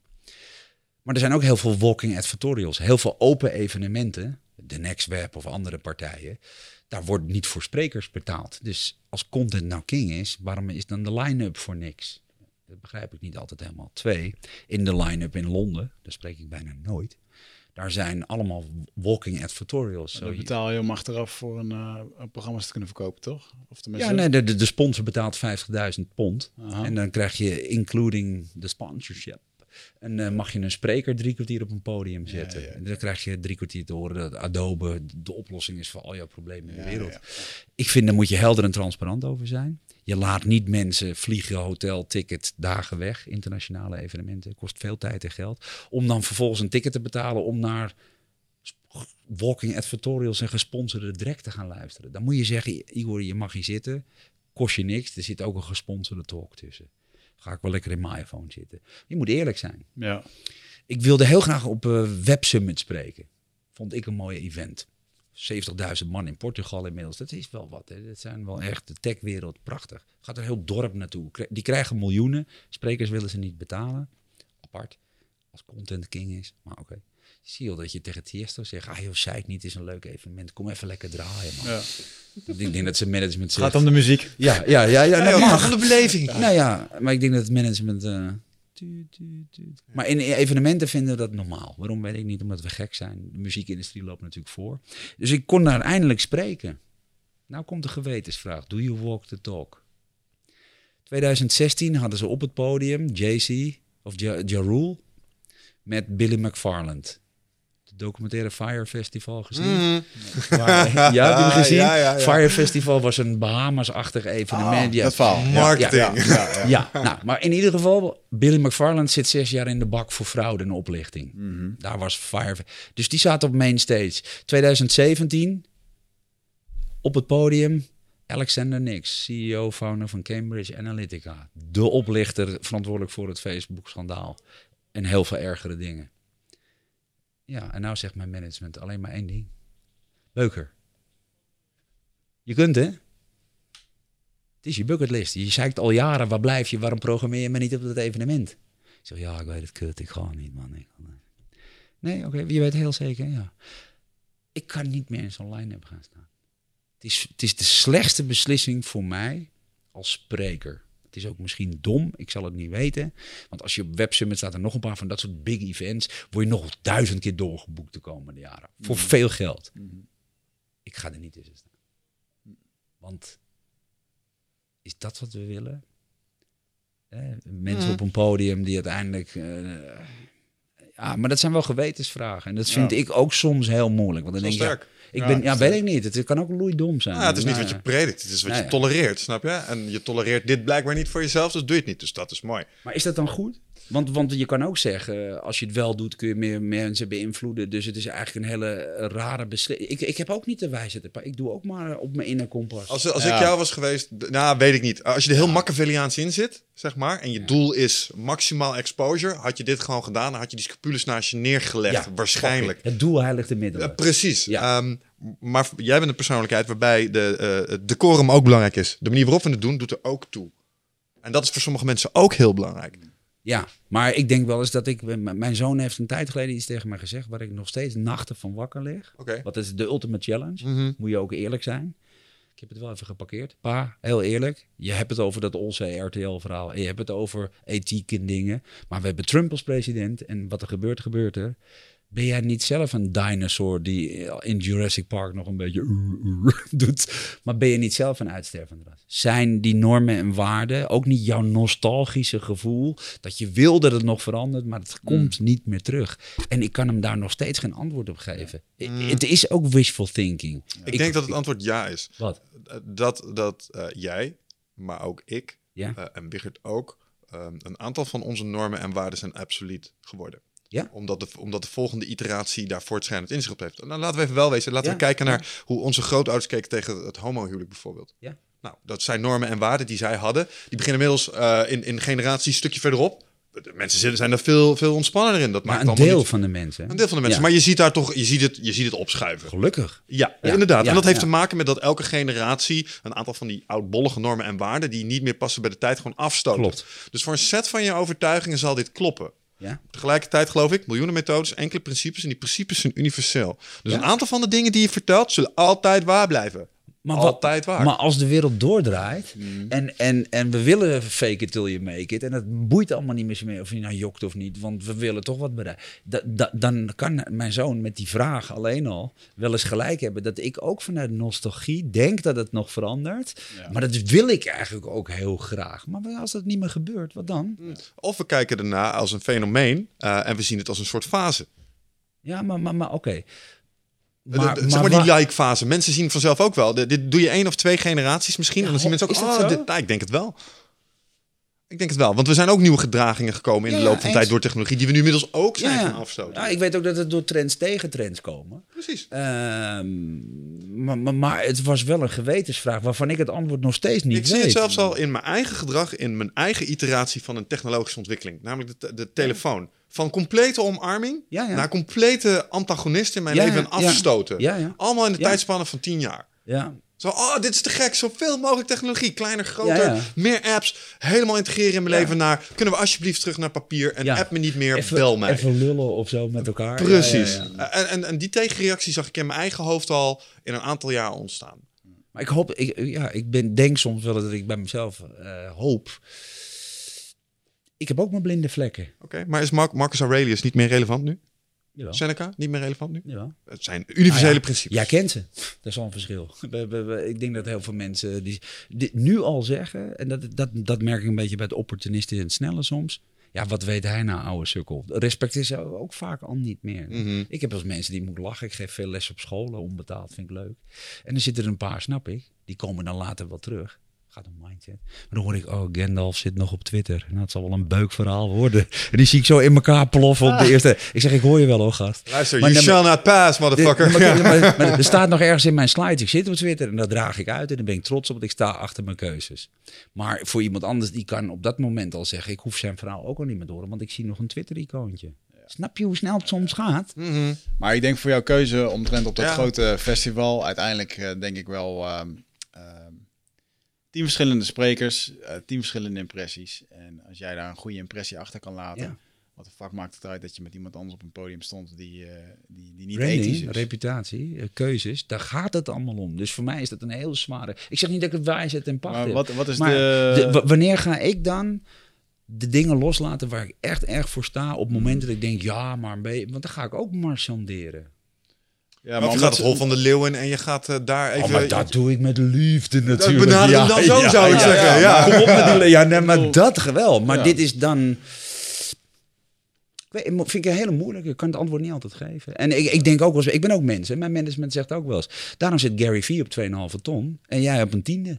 Ja. Omdat hij eh, Insta-likes en dit en dat. En hij is een contentmachine. En hij roept er van alles. Ja. Het is niet mijn stijl. Ja, ja. Maar je moet wel jezelf trouw blijven daarin. Nou ja, dat weet ik niet. Maar het doet ook pijn. Want ik ben ook eh, topsporter geweest. En eh, ik wil ook dat Ajax de Champions League finale winnen. En als ik ga kickboksen, dan ja, kan je tien keer sterker zijn. Maar je krijgt hem een keer. En dan komt hij ook hard binnen. En dan krijg je ook Maar acht wat, doet deze man? eh, wat zegt deze? Tuurlijk is deze man al een, een flink voorbeeld van hoe je het niet ethisch kan behandelen. Maar ik weet zeker dat er wie? genoeg, waar we het net over hadden, die man die op dat eh, congres sprak. Oh, die Billy McFarland van het eh, eh, eh, Ja. Fire Festival Maar- bijvoorbeeld. maar Maar, die Alexander Nix is nog erger. Ja. Waarom nodig je die uit in je evenement? Waarom doe je je huiswerk niet? maar- Waarom zet je Olswee op televisie? Doe je fucking huiswerk. Of mensen vinden het minder belangrijk als dat jij dat- het vindt. Ja. Ja, maar dat mag. Maar nogmaals, ik, ben, ik hoef toch niet te vinden wat iedereen vindt. Nee, nee, eens. Maar als dan nog, sta- nog steeds je doel is om... Een, kijk, je zei er straks, hè, narrow, Ja, narrowcasting. Ik, wil, wil die tien CEO's benaderen. Stel, ze zitten daar. Ja. Hey, dan sta ik maar naast jou. Ik vind, ik vind iets van je. Maar ik ben zo sterk van mezelf. Ja, ben ik. Ja, nou, ik En denk nog dat- steeds is dat voor mij het allermakkelijkste, want waar hebben we het over? Ah, ik snap het dilemma. Ik snap het dilemma ook wel. Maar ik, maar, maar ik ben wel realist. En ik word ook gechallenged door mensen, gelukkig wel. En die mensen zeggen ook, ja, maar goed, dan kan je toch veel meer... Dat doe je toch één keer en dan ga je toch daarna spreken. En dan doe je... Ja, dat, eh, misschien is er een tipping point waarin je moet stoppen tegen de stroom inzwemmen. En meezwemmen een keer, want je wordt ook moe van al die weerstand. Ja. En, en is, het, is het een gave en een gift dat je dat kunt? Of is het een ballast waar je niet van af kunt? Ik ben ook... Nog eens een, eh, een foute vechtsportanalogie erin gooien Ja, misschien dan? ja. Ben je van die jiu-jitsu? Nee. Ja, de, de grondwerk, wij wel, is een jiu-jitsu-kaas. Soms Ja. moet je even meerollen, zodat je uiteindelijk een stukje verderop een klem kan aanzetten. Ja, is waar. En misschien is dat, hier- zit daar hier ook wel iets van in. Nou ja, ik denk dat de Ja. keerzijde van de medaille heeft ook zijn nadelen. En dat is eh, het aard van het beestje misschien. Zo. Ja. Het klinkt een beetje alsof je niet op een gala van een promotor wilt vechten, omdat die promotor een lul is. Of bepaalde Maar je sponsoren kan- heeft ja, waar je niet maar je kan wel Ja. echt een, eh, Maar je kan wel echt een dijk van een partij daar neerzetten. En eh, ja. Ja, Ja. maar dit gaat voor mij wel wat verder. Ja. Ja. In sport vind ik het wat anders. Al vind ik het ook heel mooi dat bij Olympische Spelen eh, mensen een, een standpunt innemen tegen. Ik vind Kaepernick en Nike vind ik helder. Het gaat me er niet eens zozeer om of je wel of niet ervoor of tegen bent. Maar als we dan kijken Als hoe je het, ergens voor staat en durft te staan in deze tijd. Ik vind dan bijvoorbeeld zo'n Olympische Spelen, die trekken zo'n heel, eh, hele favela in Brazilië, eh, weet je, dat is helemaal in elkaar geploft daarna weer. In Rusland, idem. Het brengt eigenlijk meer... Merkt- WK, Ja, het ja. werkt, weer, het werkt eigenlijk meer verderf op dan... Het is eventjes ons bij ons een paar maanden Lippenstift op een varken eigenlijk weer. Ja. Even de opsmoek om het even mooi te doen. Maar ik ben wel met je eens. Ja, ik vind die balans soms moeilijk. En waarom? Ehm, ik kan ook niet verlogen in wie ik ben. Ik vind nog steeds dat ik in, in, eh, op de pindakaarstand een beetje er doorheen fiets. Want het, het lijkt allemaal eh, heldhaftig. Ja, waar vergelijk je het mee? Ik kom uit een omgeving, daar ben ik door opgevoed. Die mensen hebben mijn leven gered, anders had ik er niet meer gezeten. Ik kijk daar tegenop. Die mensen die waren verschillig en die, en die maakten keuzes. Ook als het moeilijke keuzes waren, ook met risico voor eigen leven. Nou, meneer Beuker zegt een evenement af. Ach, wat zielig.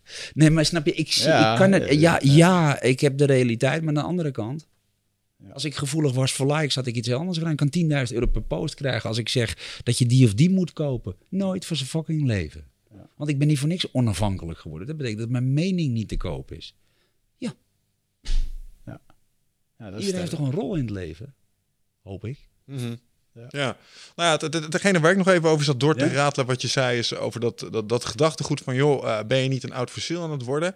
Ik denk dat het antwoord, nou ja, Ja. nee. Eerlijk? Maar dan zouden, we, dan zouden we iemand waar we het net over hebben gehad, bijvoorbeeld een Jan Terlouw, zouden we ook af moeten doen als een fossiel. Terwijl ik zeker weet dat die man ons in die podcast dingen heeft bijgebracht, Absoluut. die, die voor eeuwig en voor altijd waar zullen blijven. Dus de- mens. nou, zeker. Maar ik denk dus daarmee is de inhoud van jouw boodschap ook zit, zit, eh, zit geen houdbaarheidsdatum op. En, want dat is de zorg die ik je hoorde uiten. En ik denk dat dat niet waar is namelijk. Oké. Maar eh, dat snap ik. Maar als we voor de commercie toch allemaal maar even concessies doen, omdat het toch de commercie is. En we krijgen allemaal dat soort idioten op televisie, omdat het slecht gaat. Kunnen ze beter eerder naar me luisteren door, door te gaan innoveren. Want dan heb je nog wel geld, hoef je ook niet idioten op tv te zetten. Dus het cirkeltje is weer rond. Hè? Je, je Cruijff zegt altijd, je gaat pas zien als je door hebt. Duurt lang, maar we staan wel in de halve finale met Ajax. Vind ik toch fijn. Maar dat is een beleid wat je moet inzetten en niet op een knop drukken. Nou ja, we hadden het, ik weet niet, was het nou deze of vorig, maar de, de- het instant gratification stuk. Ja, ja. Dat is de long game. Ja, De- moet- deze misschien verliezen om op een, op een want Wat- dit, wat dit, dit zeg- wordt ook wat- gezien. Wat zeg jij nou? Hoe bedoel je? Deze misschien verliezen. Je hebt het toch niet over de aankomende... Nee, nee, nee, zeg Oh, maar. eh, nee, Nee, eh, oh, nee, niet de kampioen. Nee, nee, eh, nee. Ik zou je als Ajax ziet niet. Wij nee. komen echt in de finale hoor. Echt waar. Ik had het even over, de, over de keuze die je moest maken voor dit event. Ja, dat dat misschien voelt als een, als een van, oh, ik zeg nee. En dat voelt misschien even als verliezen. Ja, ja, nee, maar als nee. dat zorgt dat je reputatie zeg maar, is van, ge- nee, maar- deze gast is niet te koop. Dan gaat dat je op lange Nee, termijn misschien iets gebeur- opleveren. gebeurt helemaal niet, want dat is precies wat jij zegt. Het zit allemaal in je eigen hoofd. Ja, dat is ook belangrijk. Oké. Ja. Ja, ik, ik weet ook niet wat soms... Ja, het gaat erom hoe jij je voelt uiteindelijk. Ik bedoel, ja. Ja. Nou, kun je zelf aan het eind van de dag nog aankijken. Dat is het belangrijkste. Ja, ja, zeker. Ja, Nou, dat als kan dat ik. kan, dan doe je het Ja. goed, denk ik. Nou ja, ja. Mooi? Ja. Gaaf. Maar we hebben je, heb je spreekambities? Mag ik dat nog vragen? Ja, aan? tuurlijk. Doe er ook. Ja, nee, ik wil fulltime spreken. al. Ik wil Ja. fulltime spreken. Wil je fulltime spreken? Ja, dat is wel Ja? echt eh, de droom, ja. Ja, ik heb echt een hele duidelijke missie en een eh, verhaal in de jungle van Brazilië opgedaan. En eh, Ja? dat wil ik heel graag delen met de wereld. Ja, dus ik ben nu bezig om een, om een boek te schrijven. Oh, toch wel? Om dat boek Knap. gewoon... eh, Mooi. ja, en dan echt gewoon ehm Heb je je 2025 marketingplan al af? Als fulltime 2025. Ja, ja, laten we even... Eh, Ik hou van nee, dingen. Nog, nog niet zo ver. Wat ik, wat ik wel Mag wil... je daarbij helpen als, Ja, je, dat, zeker, als je dat leuk graag. vindt? En je mag het weggooien ook. Nee, boel. ja, zeker heel graag. Ik heb zelf het idee dat ik... ehm, ehm, het gaat bij mij eh inherent over uh, mijn Ja? avonturen bij Indianenstam en dingen. Dus ik ben nu ook bezig achter de schermen om eh, mogelijk daar een, rondom heen een televisieserie te organiseren. Eh, documentaires die ik zelf... ze- of ga zelf ga financieren of die eh, gemaakt worden. Hey, mogen we het daar inmiddels over hebben? Nee, nee. Oh, oké.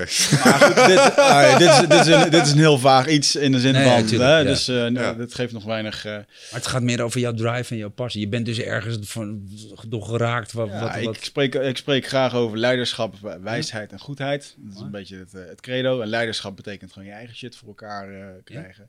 Eh, maar buiten dat heb je ook de wijsheid nodig. En die wijsheid die kan je krijgen, in, in, eh, dat kan zijn of in de structuur of in een model of, of kennis van iemand. ja?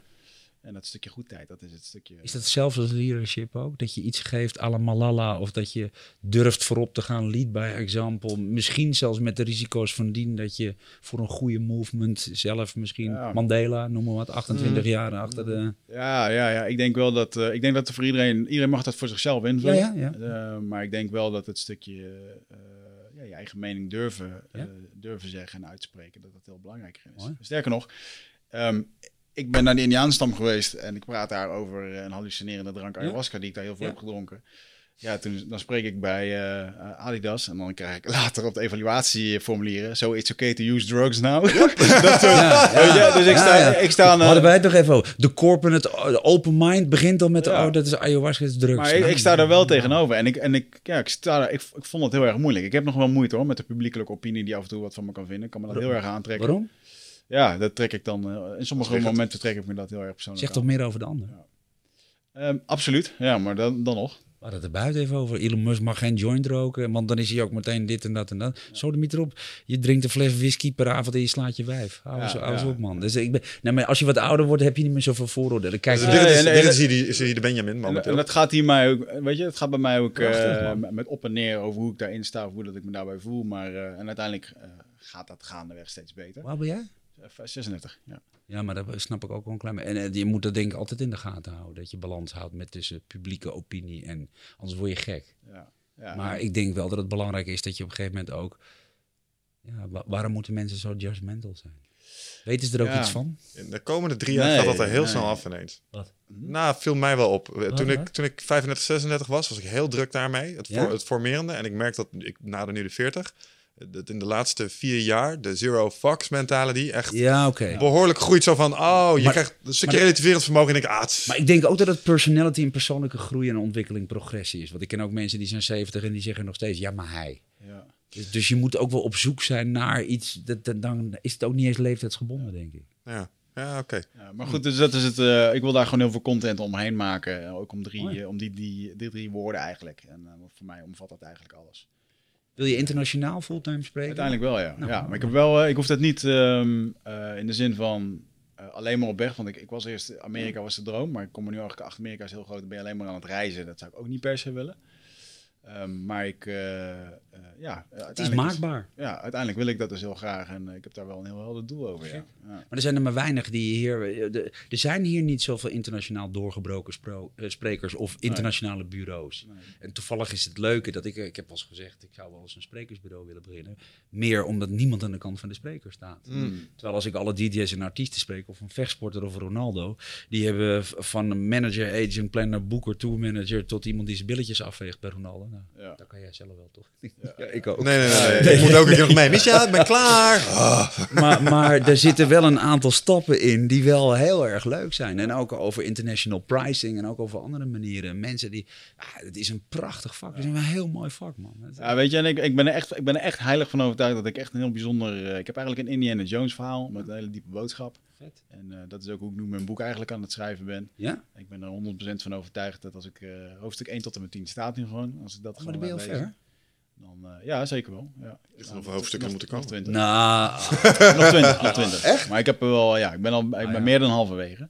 Ja. Ehm, maar ja, daar wil ik wel de komende jaren mee de hoort op. En uiteindelijk wat ik heel graag zou willen is dat ik, ehm, ik vind die stam helemaal fantastisch. Ik vind het gaaf om met die stam over te, kletsen. Dus iedere keer als er nu ergens zoiets is, dan ga ik daar naartoe. En dan, eh, doe heb je iemand die je adviseert die bijvoorbeeld tegen jou zou zeggen... Hou je er rekening mee dat als je ayahuasca nu uitvergroot... dat je dat getatoeëerd meer blijft voor je leven? Bedenk wel, kun je tegen de Ja, dat is, nou, dus bijvoorbeeld een voorstel gedaan of dat ik misschien een nou, documentaire over ayahuasca alleen zou willen maken. Ja. Ehm, en daar reage- reageerde ik in eerste instantie niet, niet positief op, omdat ik dacht, hmm, ja, hier, dan ben ik straks die gast die daarom bekend staat. Ja, dat, dat hoeft dus niet met. Maar, de- maar, maar, maar ik ben ook dus. Heb je iemand die je daar. Heb je een soort iemand die een klankbord en iemand die. Ja, ik heb hier wel iemand om me heen, ja. Wel Ja. echt iemand die... Want dat is wel eh, belangrijke keuze. Maar ik heb aan een, goed management. Want een sprekersbureau is vaak een soort doorgeefluik van heb je die, die of die. Of ik zoek een spreker voor dat. Dat. Dat is niet de manager die Tiesto die zegt eh, op branding, positionering gaan we het zo niet doen, want we gaan die kant op. En, eh, dat soort keuzes is natuurlijk, zijn hele bepalende keuzes voor de Ik toekomst. heb wel wat mensen om me heen die, die me daar goed in kunnen adviseren. En ben dan nu bezig met een sprekersbureau waar ik een goed gevoel bij heb. Ja, oké. Maar de, ik, ik denk eh, nog Dat is steeds... niet een internationaal sprekersbureau, tenminste. ehm, nou ja, voor Robert. Ja, oké.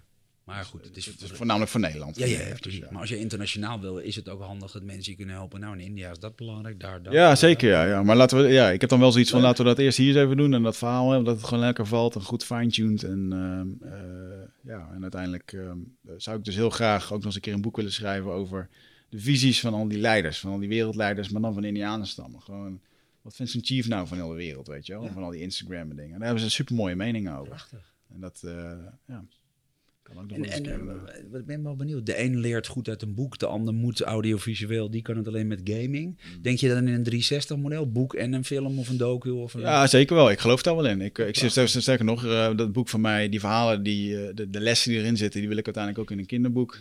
Mijn uh, Indianennaam is Bishinawa en dat gaat gewoon naar Wat betekent dat? Bishinawa, Wat betekent dat? witte man uit sterren. Oh, serieus? Ja. Ik denk een beetje aan Kevin Costner met Dances with Wolves. Nee, Ja, ja, ik- Indianenverhalen, Ja, zeker. ja, Ja, hoor. nee, nee, maar dat is toch prachtig? Ja, maar daar, ik, vind het, weet je, ik vind het helemaal de shit. Ik vind het tof. Ik word er heel erg gelukkig van. En als ik die, die lessen zo kan delen, dan... eh, ja, ik zou het to- tof vinden als mijn dochtertje straks eh, een jaar of twaalf is. En ze leest uh, Bishinawa, die, eh, weet ik veel, zijn droom achterna gaat. En eigenlijk zit ze gewoon persoonlijk leiderschapsdingen te lezen. In een tof Indianenverhaal. Ja, dan is dat... eh, Nou, heb je terug naar de natuur, biologie ja. en, en storytelling wel bij elkaar, Ja. denk ik. En nog een passie en een purpose ook. Dus, Maar ik ga er graag een keertje met, Ja? eh, met jou over eh, in conclave. dus laten we wat dat gebeuren plannen. deze Ja. kamer, denk ik. Hè? En, Leuk. ja, leuk man. Dankjewel dat je hier was. Ja, ik was, eh, mag ik jullie bedanken. Natuurlijk. Echt, echt leuk. Zeker. Waar kunnen mensen jou vinden? Eh, nou ja, bl- blijf maar weg gewoon. niet Hij moet moet je niet ja, ja, ja. Igorbuiken.com of gewoon naar je Google maar of zo. Nee, dat Ja, is let me Google that for Ja, you. ja, let me Google that shit. Ja. Dankjewel dat je was. Ja, heel erg bedankt. Alright. Luisteraars, tot de de volgende keer. Ciao.